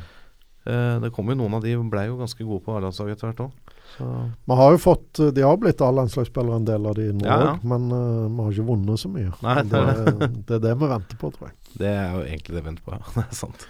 Og så ba vi deg om å sette opp eh, din firestjerners middag. Ville du da tatt med mm, fire, fotball, fire norske fotballstjerners middag? Uh, ville du da tatt med disse tre gutta, som du nevnte i stad med Halvard Thoresen og de, eller er det andre som du eh, som du ville invitert på fire norske fotballstjerners middag? Altså, nå er jeg jo trener, så nå, nå hadde det frista å hatt en skikkelig sånn trenerkveld. Ja. Uh, Faglig kveld, rett og Fa slett. faglig flytt. Masse sånn pepper og koppflytting og pepper Ja, ja, ja. Og, og sånt. Uh, Så det hadde vært litt stilig å ha hatt eh, Nils Arne på, på middag. hvis, hvis han hadde hatt lyst til det. Det hadde vært kult. Mm. Eh, faktisk en Han er død, så det er kanskje litt juks, men eh, sånn det sto Jeg tror jeg tolka oppgaven som at det kunne være Velge fritt. ja. Eh, Kjell Skau Andreassen. Han Ja. Ja. hjalp meg til, til Lillestrøm og var en kar jeg snakket litt med tidlig i, i min karriere. Dessverre døde han veldig tidlig, men han er jo eh, en av inspirasjonene for veldig mye av det som har skjedd i norsk fotball. Han var tidlig ute. Mm. Eh, var en særing, tror jeg. Eh, han var berykta for å bruke pedagogiske metoder der han brøyd folk ned og bygde de opp. Av og til gjorde han bare halve jobben. Eh, men men var, hadde vært veldig spennende og kommet i dybden på han. Eh, så de to i hop var jo òg et radarpar. De hadde jo 21 Mm. A-landslag. Så jeg er sikker på jeg kunne lært masse av å, av å ha hatt en middag med de. Mm. Så kunne vi jo slengt med Ståle, som, òg Ja. også er en veldig fin vinen. fyr, og som gjør det veldig bra, og som jeg har stor sans for. Men når du sier det, eh, har du mye dialog med andre norske Sånn som Ståle Solbakken, prater du litt med han og diskuterer fotball med han for å hente inspirasjon eller andre ting? Og se hvordan han driver klubbdrift, selv om du er U21-landslagsleder? Ja, det har vi. Og så varierer det litt hvor mye og med hvem. Men uh, ja, vi har ganske bra dialog med klubbtrenerne. Og uh, føler oss velkomne alltid, og, og deler erfaringer. og uh, kan reise og besøke de og se treninger og, og diskutere. Altså har du vel en uh, spiss der ikke? Jo, det er en uh, nordmann nå, så nå har jeg en unnskyldning til å, til å reise ned der òg. Uh, Julian Kristoffersen, Ja. som er en spennende kar. Han er Ja, fra Horten, vet du. Bare Ja, riktig. ta med det. det. Fra Horten, han. Helt sant. Fin type. Han er det. Han liker vi. Han liker vi. Han liker det. Julian, han må ta ut på U21 snart. Uh, Han har vært der. Han har vært der, Ja, stemmer det. så egentlig burde han ikke er være med fra Horten, men uh, Oh, rolig. Oho. To mot da. rolig. Men hva ville du servert fire norske fotballstjerners middag? nei, det er ikke en biffgjeng, det der. Jeg tror det må være biff. Biff, ja. Jeg tror det. Forrett, da? Må vi ha det òg? Men da du må velge mellom forrett og dessert. En av Jeg, tror- jeg tror vi hadde gått for dessert. Ja. Ja. Men uh, hvor vi skulle kjøpt den, vet jeg ikke. Ja, det sier vi som Håvard sa, det ble trikoloris. Ja, tricoloris det, dessert. Godt forslag. En klassiker. Det er en klassiker. Så skal vi ta noen eh, spørsmål fra, fra lyttere, eller folk som har henvendt seg på sosiale medier. Uh, Andreas Preus Efskin har sendt et eh, spørsmål på Facebook. Eh, hva skal til for at en god U21-spiller blir en veldig god A-lagsspiller? Og hva er viktig å fokusere på i overgangen mellom U21 og A-landslag? Eh, Det som skal til, er jo at den tilpasser seg at uh, motstanden er tøffere, særlig mot de beste. Mm. Uh, altså at en blir vant til det, at en får erfaring med å spille på det nivået. Uh, og Da trenger de litt tid. Jeg tror vi i Norge, eh, sant, hvis en spiller ikke er supergod når han er 21 år, så anser man nesten som ferdig. Mens ute eh, Nå var Louise her. Portugal tenker litt lenger. De har litt større bredde, så de lar folk stå i utvikling noen år til. Og så slår de gjennom når de er 3-24, og da er de enda et hakk hvassere. Og Det tror jeg i forhold til det vi sa med forrige U21-lag òg. At hvis de bare får matcha seg tøft og godt over litt tid, så vil de ta nivået hvis de har evnen til å ta nivået. Så de må matches. Jeg tror det er fullt mulig å lage veldig gode norske fotballspillere, men de må matches mot de beste. Mm. hvis du spiller videospill og, og skal liksom klare et nytt nivå, nytt level, i hvert fall var det sånn på Donkey Kong i gamle dager, så, så måtte du liksom presse deg opp til der det er vanskelig, og så måtte du få noen øvinger der. Hvis du hvis du spiller på nivå to og plutselig skal opp på ti av og til, så klarer du ikke nivå ti. Så du må liksom matche og få øvd deg mot de her eh, eh, Der det går litt raskere og de er litt sterkere, ofte nok. Så tror jeg de tar nivået, hvis de har kapasitet.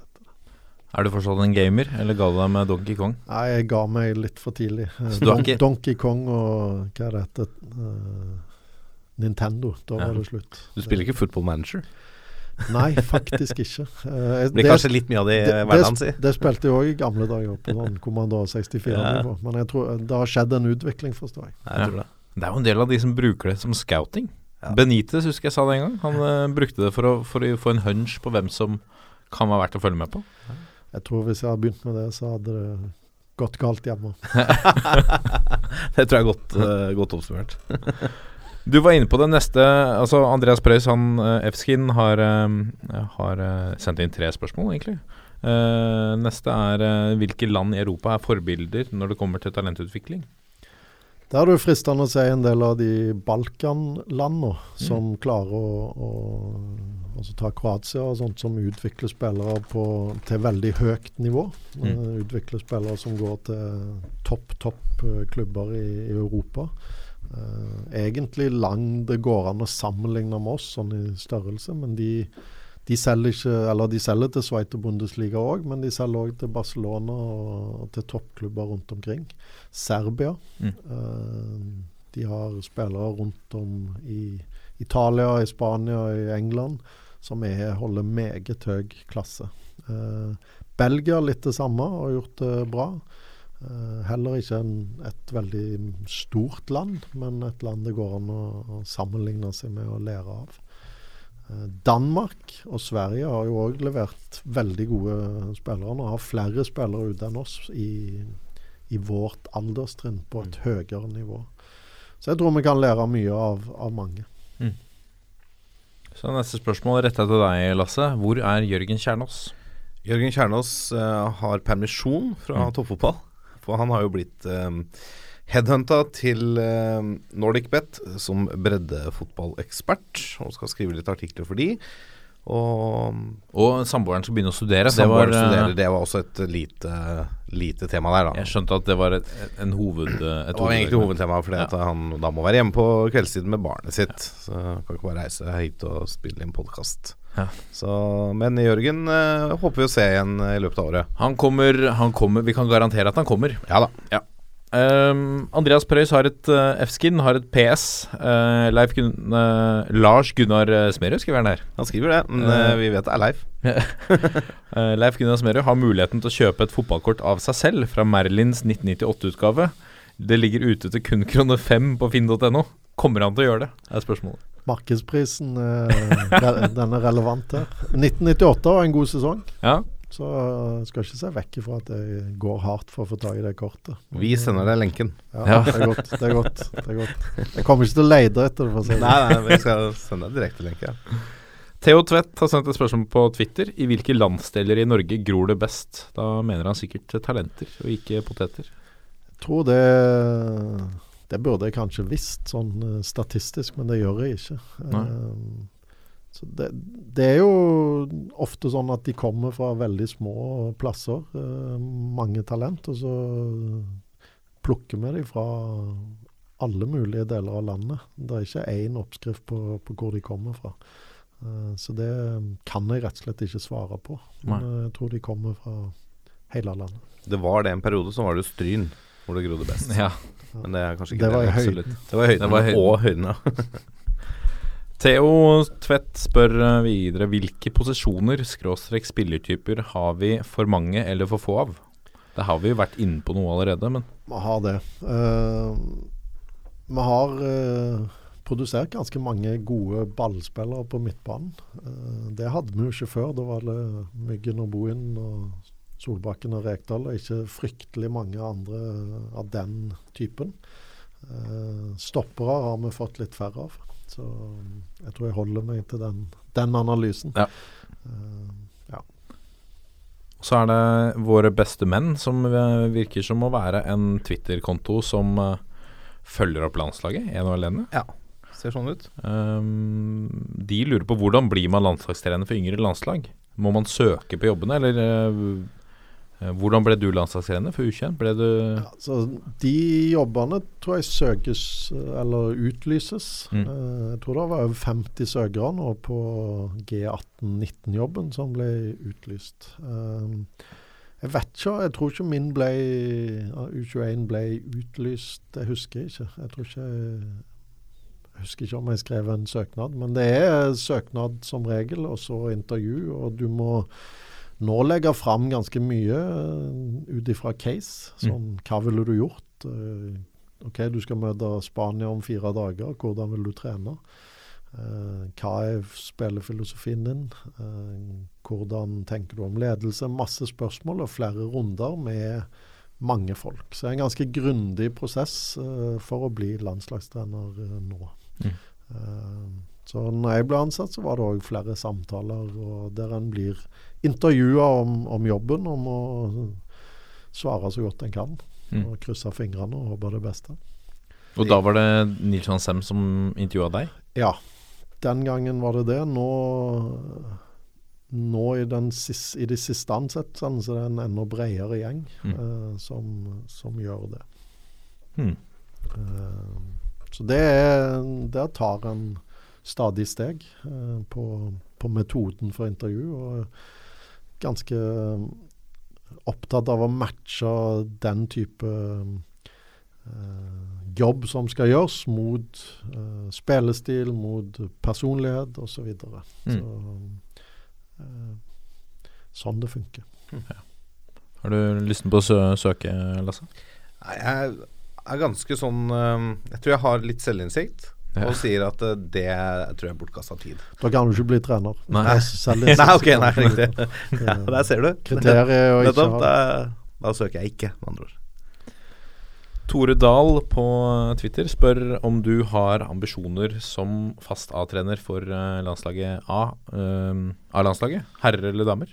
Ja, Nå er jeg jo veldig skuffa at jeg ikke ble det i dag, Ja. eh, ettersom det sto i VG at jeg skulle bli det. Eh, nei, jeg har, ikke, jeg har ikke tenkt på det, helt ærlig. Eh, det er eventuelt i framtida, det får vi se om, om en produserer gode nok resultat og sånt til å, til å bli aktuell. Det vil tida vise. Thomas Mæland eh, på Twitter spør hvordan holder du spillemøter, og hva sier du for å motivere spillerne? Ja, sto, stort spørsmål. Ja.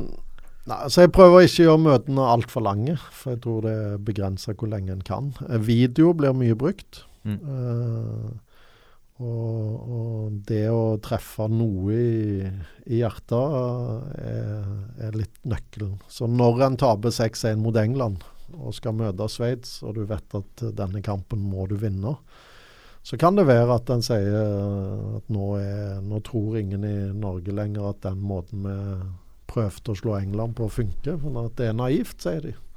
Det, det, det kommer ikke til å gå. Dere, vi er ikke gode nok. Men jeg tror vi er gode nok. Nå, men jeg trenger dere til å bevise det. Jeg vet at vi kan få det til, men da må vi lære det og det og det fra den kampen. Og så må vi gå ut på virkelig gruse til og legge i bånn det som òg må ligge i bånn.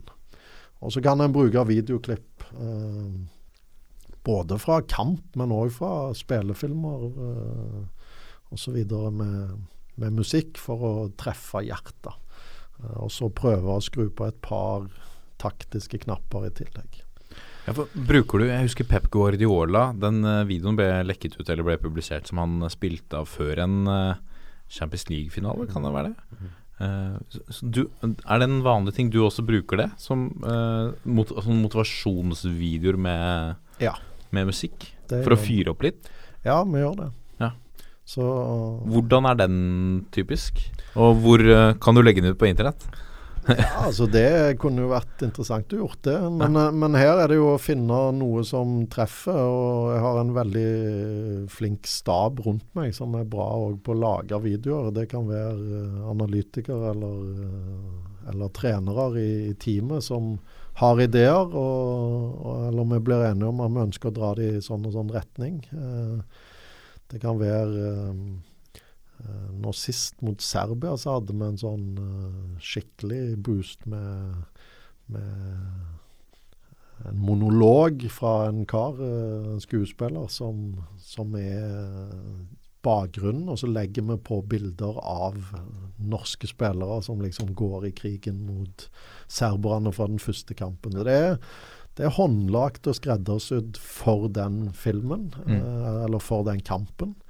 Eh, Er det Al Pacino fra Any Given Sunday? Den uh, har ikke jeg brukt, men den er jo en av de som brukes. Uh, så det er den gata. da. Mm, Det å klare å treffe noe. Uh, men det kan være alt fra en enkel historie, det kan være til en svær videoproduksjon. Eh, så det, det varierer. Det, Men, men det er et viktig virkemiddel. Min gode kollega Geir Ove Fidje fra medieavdelingen i Vålerenga Han har klippet noen sånne, spesielt under Martin Andresens tid. Ja. Eh, sånne videoer med musikk og dialog fra Any Given Sunday, og Mohammed Ali var inne og prata litt, og litt fra Rocky-filmen, og, og med musikk. Og gjerne da, For du har jo bra produksjoner på eliteseriekamper, Mm. med kule bilder fra kamper med taklinger og skåringer og jubel, og for å fyre opp gutta litt ekstra. Det ble brukt, altså. Det, Ta det med tilbake til Ullevål. Legg det ut på nettet. Vi har lyst til å se dette. Det er bare å komme seg med på U21 så, Ja. eller på et landslag. Ja, så får du sant. se. så får Det du litt vanskelig Kanskje for oss i hvert fall. Ja. Ja. Og så er det siste spørsmål fra, se, fra seerne, sier jeg. Fra lytterne. Uh, Tom Morten Johansen som spør uh, om du liker Bryne. Det er faktisk Tom Jonassen. Nei, Johansen. Ja, Tom Morten Johansen, ja. Ja. Eh, nei. Jeg Nei. er ikke så glad i Bryne. Nei. Eh, som jeg sa, så vokste jeg opp med Viking da jeg var liten. Og et par onkler som var Bryne-supportere, så det har alltid vært en knallhard rivalisering. Hmm. Så det mm, Nei. Nei. Men jeg skal være nøytral, da. Så, Ja, det er jeg klart. Men jeg, men jeg er ikke. Bortsett fra det. Jeg er ikke det. Nei, det er lov. Det er innenfor. Ja, det må være innenfor. Nå kommer pulsen. Og da har vi kommet til uh, pulsen, og vi har jo allerede snakket litt vide og brede om uh, i hvert fall det viktigste som har skjedd denne uken, denne måneden, de siste, de siste månedene. Uh, men vi skal plukke ut et par ting til, og aller først så skal vi til Kristiansund, Lasse.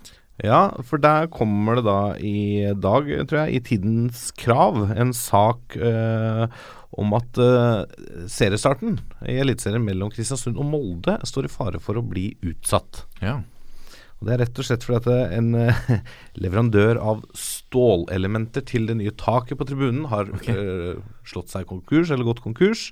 Så de sliter med å få levert materialene da, til å bygge ferdig arenaen til å matche kravene til spill i Eliteserien. Men er det ikke flere som lager stål?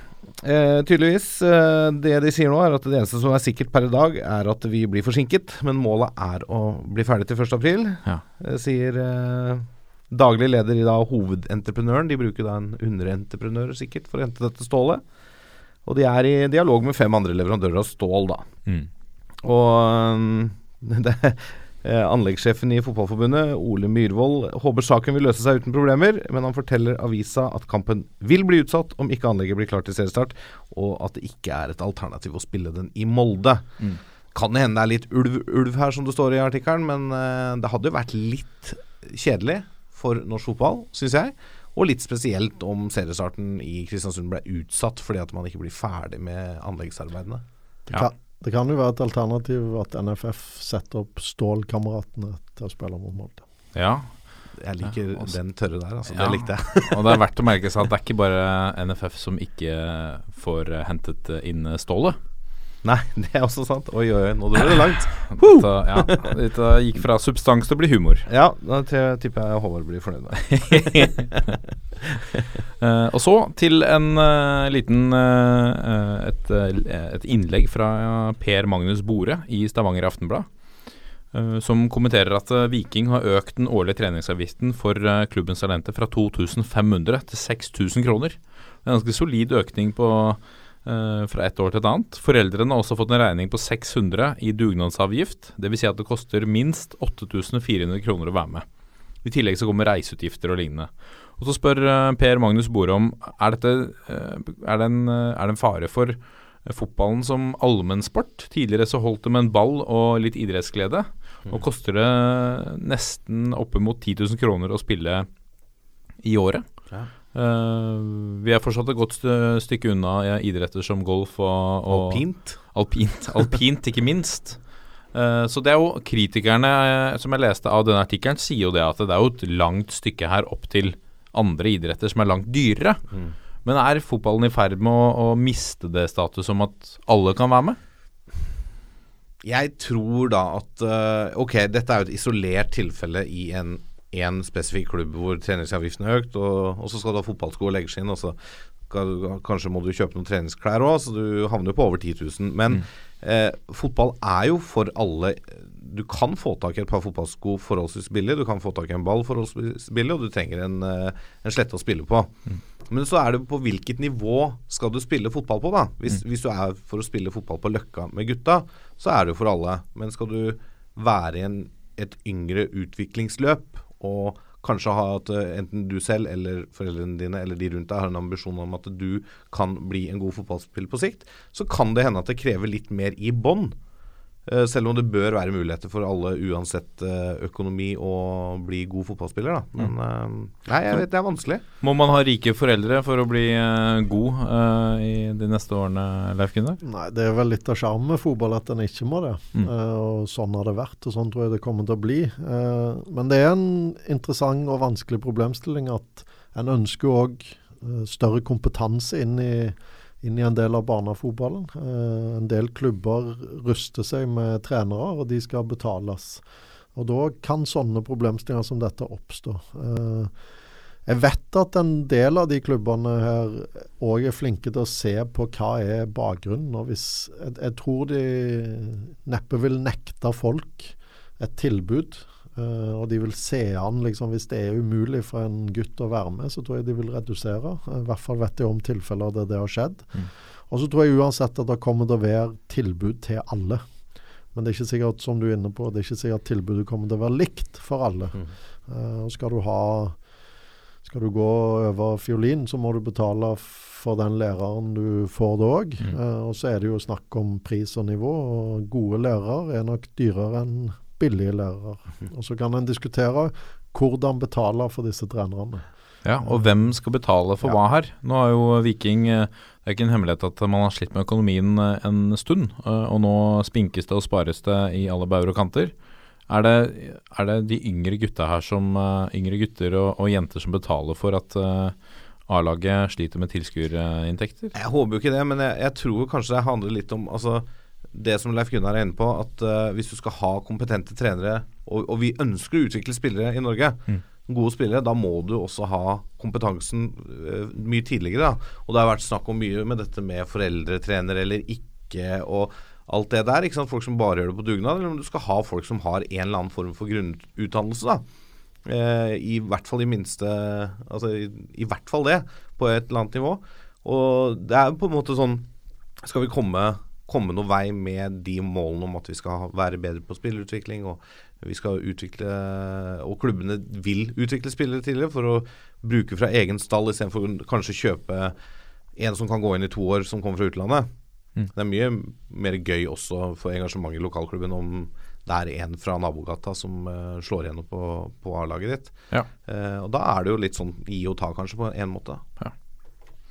Øh, dette var jo som sagt et eksempel fra én by, Nei, men det er jo en bekymra En bekymra Jeg vet ikke helt rollen til Per Magnus Bore, men, uh, men uh, det er jo ikke gitt at dette er tilfellet i hele Norge. Så får vi håpe at fotballen blir tilgjengelig på et med god oppfølging og kompetente trenere for flest mulig. Ja, og så må du ta med i beregningen at Viking er en stor klubb med et uh, eliteserielag. Ja. Det finnes nok av breddeklubber både i Stavanger og Oslo og Bergen Vidar, og som vi har vært innom. Ja, Vidar, som uh, sikkert har vel så god, uh, gode tilbud på det nivået de uh, yngste spillerne er på. da. Mm. Og Jeg mener jo at disse store klubbene i de norske byene må bruke breddeklubbene rundt seg mye bedre og utveksle kompetanse. Du trenger ikke nødvendigvis å kanskje ha en trener som har en, en helt løp med utdannelse, men send noen av trenerne fra de store klubbene som har betalte trenere, til å dele litt kompetanse. Mm. Og så blir det bedre samarbeid. Så kanskje du da kan heller plukke opp den spilleren på veien da til den store klubben, og i kraft av det utvikle spillere som på sikt skal ta oss til mesterskap. Og der ga du meg en, øh, en sterk øh, overgang til øh, Superlørdag i Bærum, som var nå i helgen som var. Hvor øh, jeg tok med den her i, i pulsen. Det er en relativt smal lokal sak, men, men øh, kanskje et eksempel til etterfølgelse. Hvor Bærum tok initiativ til en superlørdag mellom Bærum, sportsklubben Bærum og Stabæk. Hvor øh, de satte opp fem treningskamper på en lørdag. Eh, klubbenes 13-, 14-, 15- og 16-årslag møttes eh, før eh, superlørdagen ble avsluttet med en treningskamp mellom A-lagene. Uh, og dette er gjort da for å styrke samarbeidet her mellom, mellom klubbene. Eh, jeg syns det var et uh, fint uh, initiativ. jeg. Liker det veldig godt. Ja. Og det, det det er jo det vi er inne på. Mm. Styrke uh, samarbeidet med breddeklubbene i lokalområdet. Mm. Dele kompetanse, og kanskje ha muligheten til å hente de beste derfra når det blir riktig. Dette er toppfotball. Og da er vi kommet til ryktebørsen.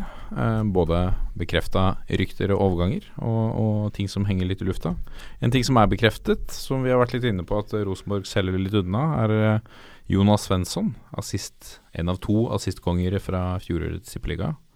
Går til uh, RS-divisjonen i, i Nederland, AZ Alkmaar. Det er vel en forventa overgang at han skulle gå nå i det vinduet her. Han har vært solid i Eliteserien i noen år nå. Slått seg inn på landslaget også. Og det er vel ikke noe sånn kjempesjokk at han uh, har lyst til å prøve lykken andre steder enn på Lerkendal, tenker jeg. Og Lerkendal får jo bra med penger for, eh, for dette òg. Mm.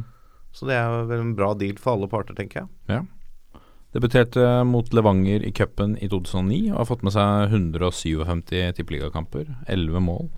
Det er mye for en eh, Det er solid for en uh, lokal unggutt. Ja, veldig bra. Eh, igjen, altså det viser jo at det går an å utvikle lokale spillere ved hjelp av eh, breddeklubbene rundt seg. Mm. Han har jo gått et løp der via, via noen andre lokale trønderklubber, så det er helt klart at det, det er mulig. Hva tenker du om at han spiller i æresdivisjonen? Veldig kjekt for Jonas. Han er jo en maskin. Eh, det er ikke mange treningene jeg tror han har gått glipp av. og en fantastisk eh, fin gutt. Han har eh, vært en viktig bidragsyter i Rosenborg, og Mm. kommer sikkert til å bli det i, i Alkmaar òg. Dønn profesjonell og positiv og en god fotballspiller. Så glad på Jonas sine vegne. Litt synd for Rosenborg, men eh, vi lever nå av å selge litt òg. Men i forhold til de nivåene du snakket om i stad, at man skal ta noen nivåer for å bli bedre.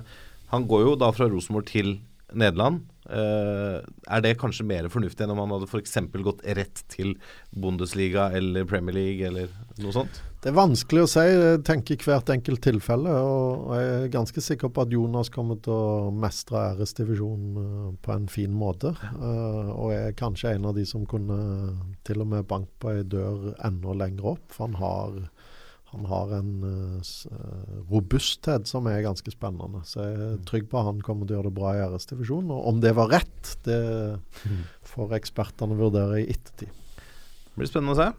Ja, så skal vi uh... Skal vi en liten tur til Østfold, uh, på mitt ark i hvert fall. Ja. Uh, Joakim Jørgensen er endelig offisielt klar for en retur til gamleklubben Sarp Sarpsborg 08. ja, Er det han som blir kalt for eh, Eh, jordfreseren. Jordf Hvor, hvor, kommer det fra?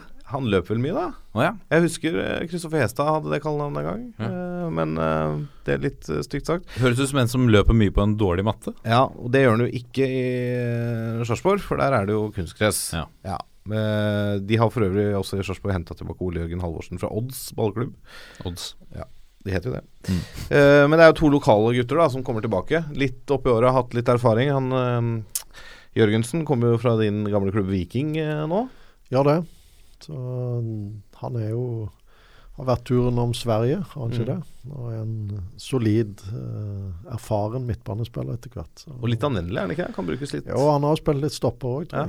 Så mm, han er vel fra Sarpsborg, eller området der Ja. nede, så han kommer hjem. Så skal vi til en av dine, en av dine stolte menn, Ulrik Yttergård Jensen, som eh, ikke blir med trene, eh, ikke blir med på treningsleir til Tyrkia sammen med Tromsø. Han er redd for eh, terror, eh, har litt terrorfrykt. Han var jo i Lyon under angrepet i Paris i 2015 og fikk føle det på kroppen hvordan det var, kanskje, selv om han ikke satt midt oppi det. Eh, og så passet det, det virker som det passa greit i og med at han likevel skulle på et treningsopphold med Groningen. Eh, hvor storebror Ruben spiller. Kanskje vi får se en Yttergård Jensen ganger to i, i Nederland. Enda en RS-divisjonsspiller. Det kan jo hende, og jeg har jo litt Jeg har litt respekt for sånne valg, jeg, da. Eh, for dette må jo han føle på selv. Ja. Hvis han føler at dette er ikke riktig for meg å reise til et land hvor han føler det er litt uh, større sjanse for terror, så velger han å bli hjemme. Det er uten sammenligning for øvrig ved Lars Bohin som takka nei til sin 50. landskamp i hermetegn pga. på grunn av prøvesprengninga til Frankrike. Altså, eh, om ikke dette nødvendigvis kanskje er så politisk eh, betinga som Bohinens valg, så er det i hvert fall et valg han gjør eh, Pga. at han ikke føler seg trygg, og det må vi bare respektere, tenker jeg. Altså. Det er jo en eh, Jeg kommer til å tenke på en legende i norsk landslagsfotball. eh, Øyvind Nilsen, som har jobba med stort sett alle de som har tatt steget opp på et eller annet tidspunkt en årrekke i, i landslagsmiljøet. Han sa en gang uh, da det var litt tøft for en spiller, så sa han eh, og Det var litt press rundt det, så sa han nei. Mennesket først.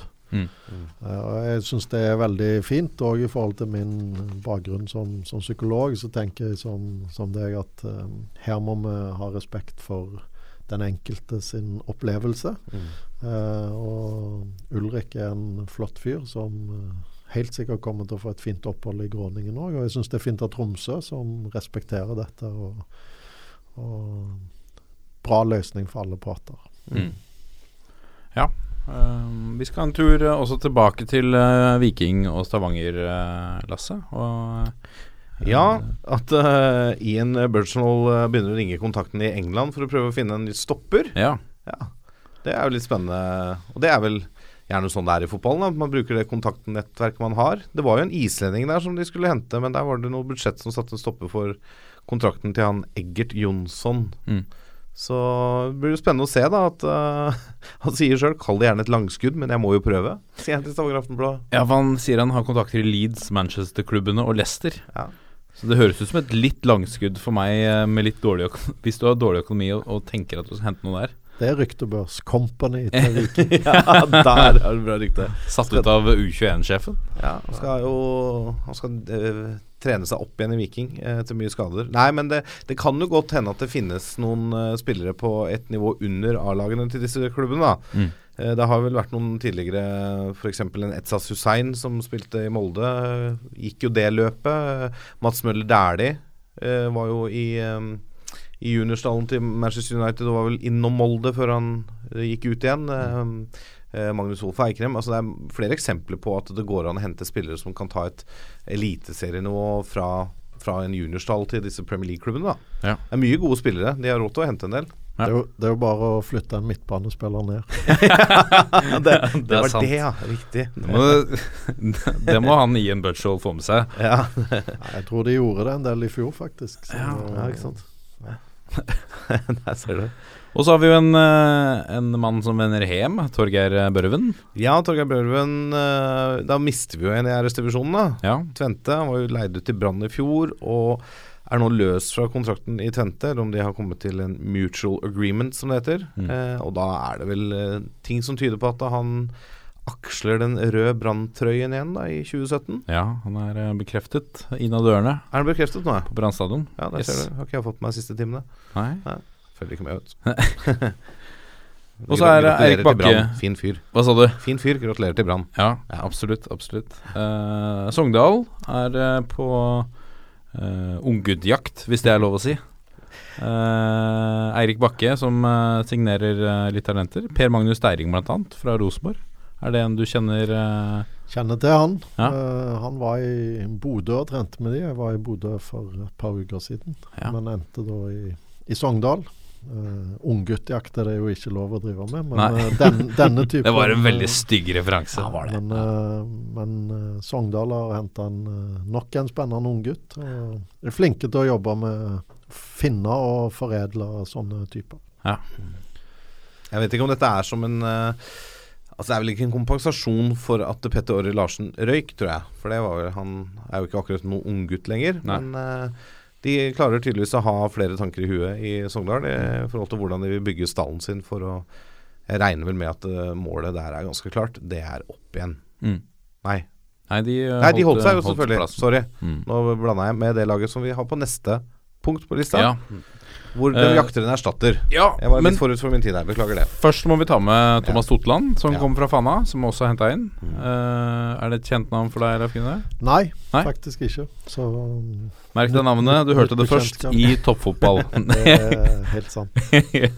uh, Tarjei Omenås uh, blir henta fra, fra Strømmen. Det er den tredje Strømmen-spilleren han henter på, på vel to år, tenker jeg. Sammen med Eirik Skjulse og Martin Ramsland. Eh, så det er en liten Strømmen-invasjon der oppe.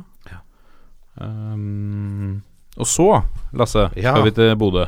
Ja, Fitim Asevi Ja. ble jo um, Israelsproff. ja. Norges første, vel. Norges første. Og nå må jo Glimt ha en erstatter, så de uh, ser på Nemanja Mladenovic, 23 år, fra FK Metallak. Kompakt ving med godt venstrebein, men ujevn i prestasjonene, sier fotballkanalen.com, som Mm. igjen bare kan anbefale folk å følge med på, for de er eh, godt oppdatert på silly season. Mm. Uh, men nå er jo Asemi, i hvert fall sist jeg sjekka, så spilte han midtspiss i Glimt, så jeg er litt usikker på hvordan de løser den. eh. Og spille uten spiss, da. ja. Det som er interessant med Glimt, det er jo der skal Åsmund Bjørkan ha ganske mye ros. Han har fått fram spisser på, som perler på ei snor, og fått til veldig mange spisser. Både når han var i Alta, hadde han en toppspiss. Eh, Ranheim klarte han å få spisser, og i Mm. Bodø-Glimt har han fått flere av de som har lagt mye mål og tatt steget. Så ganske trygg på at Åsmund og Glimt finner en, en bra fyr. Gammel ving, vet du. Vet hva, hvordan han skal fòre dem.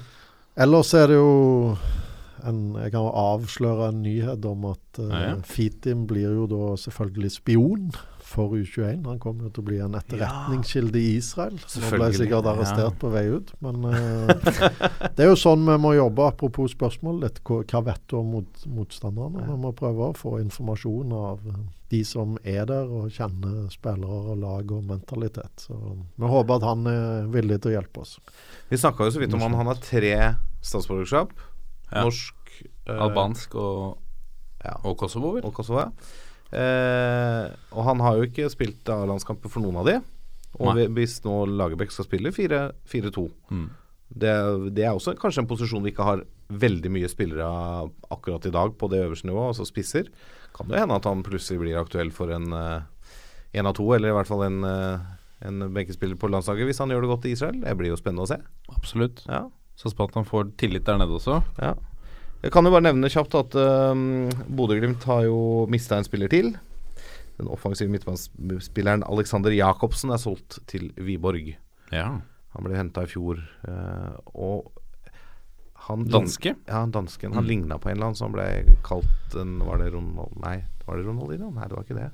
Ålreit kallenavn. Ja, det var ikke, Mm. det var ikke helt der. Men uh, i hvert fall, han uh, var ønska at de skulle beholde den, men uh, han forsvant ut dørene. Brann eh, har fått inn Børven, men mister Fredrik Pallesen Knutsen. Uh, Ett av flere. Det ble pekt på i en artikkel i dag i, i eh, Berg... Å, nå står det stille. Bergensavisen. Ber BA. BA, ikke sant? Ja. Ja. Uh, at uh, det er jo en av flere lokale gutter som, som uh, glipper, eller som forsvinner ut av Bergen. eh, litt tidlig, etter mange smak. Eh, nå går han til Haugesund. Mm. Eh, vi har jo eksempler tidligere med folk som har gått utenlands, men eh, jeg tror det var litt sårt for de å miste noen til en tippeliga-rival. Eh, men eh, så blir det jo også påpekt at han har jo en annen mann på samme posisjon, Jonas Grønner, som jo har levert. Så det er vel noe med det også. At uh, når du har to lokale, så må du uh, det, er, eh, det er tøft om plassen. Ja, og så er det jo De har jo uh, fortsatt han um, Er det Costa han heter? Som spilte samme Demidov i fjor. Og så hentet de jo denne stopperen fra Ålesund. Mm. Så, og med Grønner da, så har de jo tre ganske solide stoppere der.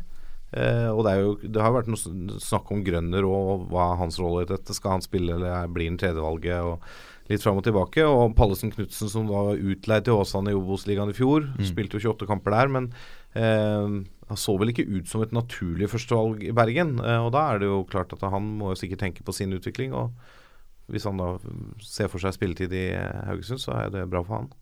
Kanskje det blir litt sånn samme innstilling her som Erik Huseklepp, som har vel nå gått ut to ganger, tror jeg, og sagt at han skal vise alle i Brann at han hadde fortjent å spille der. Litt sånn Det blir jo eh, ofte sånn. Ja. Ja. Pallesen er jo aktuell for oss. Ja. eh, I den eh, kategorien spennende stoppere som vi kikker på. Ja. Kom akkurat ikke med før jul, men er en lovende, spennende kar. og Klarer han å bidra seg fast i Haugesund og få spilletid der, så er det bra for han og bra for Norge. Hva slags spillertype er Pallesen? En uh, litt mer klassisk stopper. Han har litt høyde. Han har, uh, han har eh, duellkraft. Så, Så han er en av de vi ser etter? Ja, han er en av de vi ser etter og ønsker å ta vare på. Og så Ja. må vi se han litt mer på, på øverste nivå og se hva han kan bidra med. Men jeg har tro på han. Eh, Haugesund har vel mistet uh, sin bauta i tross til Kong. Ja, han er jo tilbake i uh, Er det Genk, er det ikke det han spiller av? Ja. Jeg men jeg har sett at han har starta noen kamper nå, også etter returen, så han er vel ikke så en ja, Ja, han var fantastisk. helt rå. Ja, Rå type. Kanskje Pallesen går inn og erstatter han. Da spiller jeg jo sammen med Sander Berge, da, så hvis vi skal omskolere Sander Berge, så har han jo en veldig god læremester. Ja, sant. Ja. sant. Skal vi til Ålesund, Lasse. En mann som, som eh, er sulten på å dra utenlands. Ja, ikke så sulten for å bidra, ifølge treneren sin. da eh, Edvin Giassi. Han må trene alene. Ja. Han venter på en overgang til en utenlandsklubb, men eh, Trond Fredriksen har bestemt seg for at han ikke får trene resten av laget før han bestemmer seg for å bidra, som han selv sier. Er det Det er, litt sånn jeg tenker da at Jeg syns jeg er litt smålig, for å være helt ærlig. Av Fredriksen eller Giassi? Av eh, Fredriksen. Nå vet, nå kjenner jo ikke vi hele historien her, men liksom å nekte uh, Nekte å være med å trene Jeg får litt sånn uh, Jeg får litt sånn Mourinho-Schweinsteiger-tanker. Bortsett fra der ville Schweinsteiger bli, da. Ja. Men litt sånn Har vi kommet dit i norsk fotball at vi liksom fryser ut folk til de liksom bestemmer seg for å bli? Slaven Bilic, uh, Dimitri Payet. Ja, ja, ja. Altså Dimitri Payet valgte jo å sette seg i hjørnet i garderoben og, og mure seg inne og, streike. Det kan jo hende at det er en sånn variant her. At ja kanskje.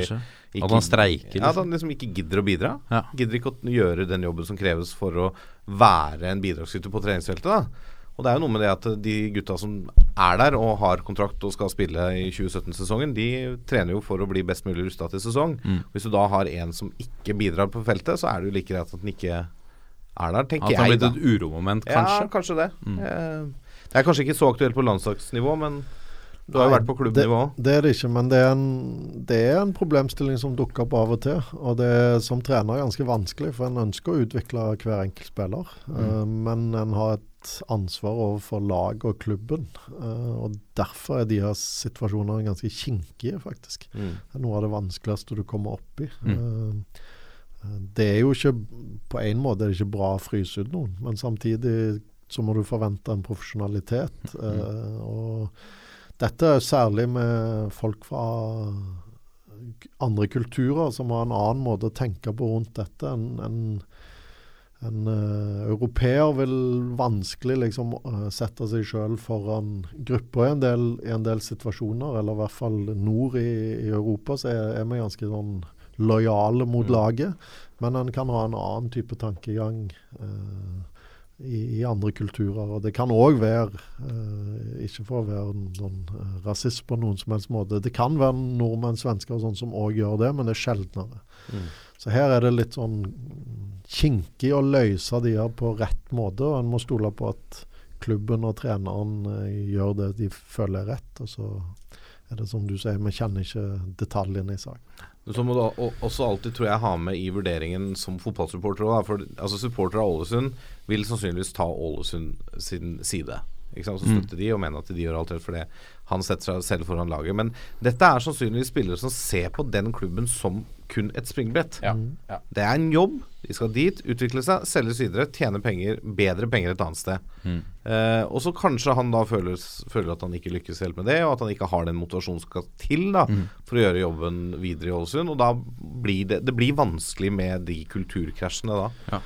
Vi hadde jo Heinar Mora i, i Hønefoss, Ja. som ble en veldig vanskelig sak. Han reiste jo hjem.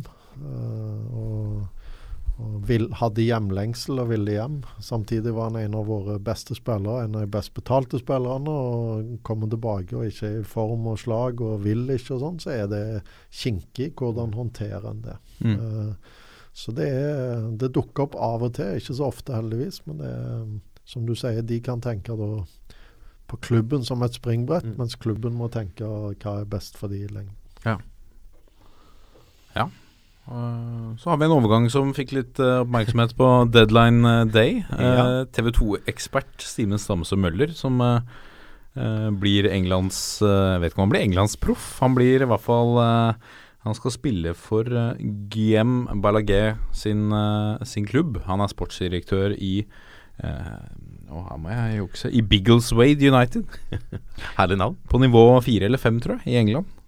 Uh, Stammes og Møller har jo spilt noe for eh, Jeg vet ikke om han har Han i hvert fall har vært i stallen til Tromsø i, i Eliteserien uh, for noen år siden. Spilt i, i Strømmen, og nå sist i Kjelsås, hvor han ga seg i 2016. Nå skal han uh, Nå skal han kombinere en slags eh, korrespondentrolle for, eh, for TV 2-sporten i, i London med å spille Å spille litt ball. Og det jeg må si jeg, jeg, jeg liker det. En, en kreativ måte. Det må være en eh, eh, Jeg håper at TV 2 gjør noe ut av dette. At, vi får en, at han lager noen reportasjer om hvordan, hvordan det, ting foregår på lavere nivå i England. Ja, det er jo helt åpenbart at det, må jo, det kan jo være strålende TV Ja. for de som forvalter eh, den engelske, engelske fotballen eh, i så kraft. Og TV 2 har jo vist før de at de kan lage gode breddesaker. Mm. Så det kan jo bli gøy. Og så er det sikkert Det blir jo et eventyr for Stamse Møller, da, som på en måte får Ja, ok, han får spille litt i utlandet og jobbe samtidig. Og holde seg i form sikkert. Og ja, det er en sånn morsom gimmick, tenker jeg dette er, da. Han, bør, han bør lage en del mål, han er jo ekspert. Så eh, på femte, Han 15 nivå så bør han eh, leve opp til ferdighet. bør bytte noen. Jeg likte også hvorfor For Grem Ballagé er en, eh, er en ganske anerkjent journalist journalist, jobber i, i Sky. Eh, La Liga-ekspert, skrevet biografier både om Messi og Ronaldo. Eh, Kjenner du Kjenner godt til han. Ja. Um, og han, ble, han fikk en e-post fra, fra, fra formannen i, i Biggleswade United uh, i 2014 med spørsmål om har du lyst til å bli direktør. Ja, sånn. Det kan det godt bli. Og så, og så jobber han som det nå. Jeg vet ikke hvor stor stillingsprosent han har, eller hvor mye lønn han tar ut, men det er eh, jeg, jeg blir så glad av å høre sånne stories. Ja. Jeg er glad i fotball, tydeligvis. Ja. Så. Og den spilleren han fant, det var Stamsem. ja. God til å skrive bøker, kanskje litt å jobbe på scouting. Men de har jo hatt Enrique de Lucas i stallen, da. Tidligere Español og Chelsea. Så Ja. det er jo liksom Han har jo klart å Han har fått til noe. Har fått til noe. Ja. Helt klart. Helt klart. Men øh, jeg, har, øh, vi, jeg har lyst til å legge en, en liten sånn Det er kanskje halvnorsk link. Ja. Martin Pus Pusic, er det noen som husker han? ja. Han har bytta klubb igjen, da. Å, hei sann. Ja da. Eh, han må vi vel kalle en klubbnomad nå. Ja, det er han, ja. Stemmer Han var jo i Vålerenga FK Brann i Norge før han dro til Danmark. Nå er han klar for Sparta Rotterdam på lån fra FC Midtjylland. Og med det så har han nå spilt for ti klubber de siste ti sesongene. Gratulerer. han skifter i snitt klubb hvert år. Ja, det er kjempefint. Ja. Vi har snakka om han før, at han bytter så mye klubb. Nå bytter han igjen. Bytter han igjen. Da. Rastløs type. Det, kjenner du det, eller? Nei, Nei. faktisk ikke. Jeg husker han, men Ja. jeg kjenner han ikke. Det er veldig spesielt. Han, eh, 29 år. og- jeg rakk ikke å bli kjent med Nei, ikke sant, det er ingen streker det, vet du. Han. Det er veldig spesielt. Og så har vi en liten link til eh, nest høyeste nå i Nord-Amerika. Sann. NASL, eller også kjent som North American Soccer League. Lillestrøm har hentet seg en ny keeper derfra. Ja. En, eh, en med portugisisk og canadisk pass, men han har faktisk to A-landskamper for Portugal, og var tredjekeeper i VM-troppen 2010. What? Daniel Fernandes, 33 år, har signert en ettårskontrakt med LSK fotball. Yes. Har norsk kjæreste. Å ja. Kom, Ja, okay. Kommer nå fra Skal vi se hva det sto her. Eh, husker ikke, men han har vært innom Paok, Bochum, Cluj og Tvente tidligere. Yes. Så det er jo Må være solid. Ja, det, det må vi kunne si. Høyt 1,95, stor keeper. Ja. Voksen. Ja. Konkurrent til Origi. Det går nesten an å vurdere som strategi uh, å, å få kjærester med storspillere. Altså Midtjylland med van der Fart. Ja, ikke sant? Eh, hvis Ja. du liksom får tak i masse fine kjæresteemner, så kan du begynne å rekruttere Sende de store, ut på ja, ut til Spania, Tyskland, England og hente gode spill. Det høres ikke lovlig ut, gutter. Nei, det spørs jo hvordan du gjør Det det. høres ut som trafficking. Ja, det høres sånn ut. Ja. Men så kan det hende at det blir noe barn der på sikt, da. Ikke sant? Ja. Og så kan du Å, det ble norsk statsborgerskap. Se langsiktig. Ja, For sikre genene.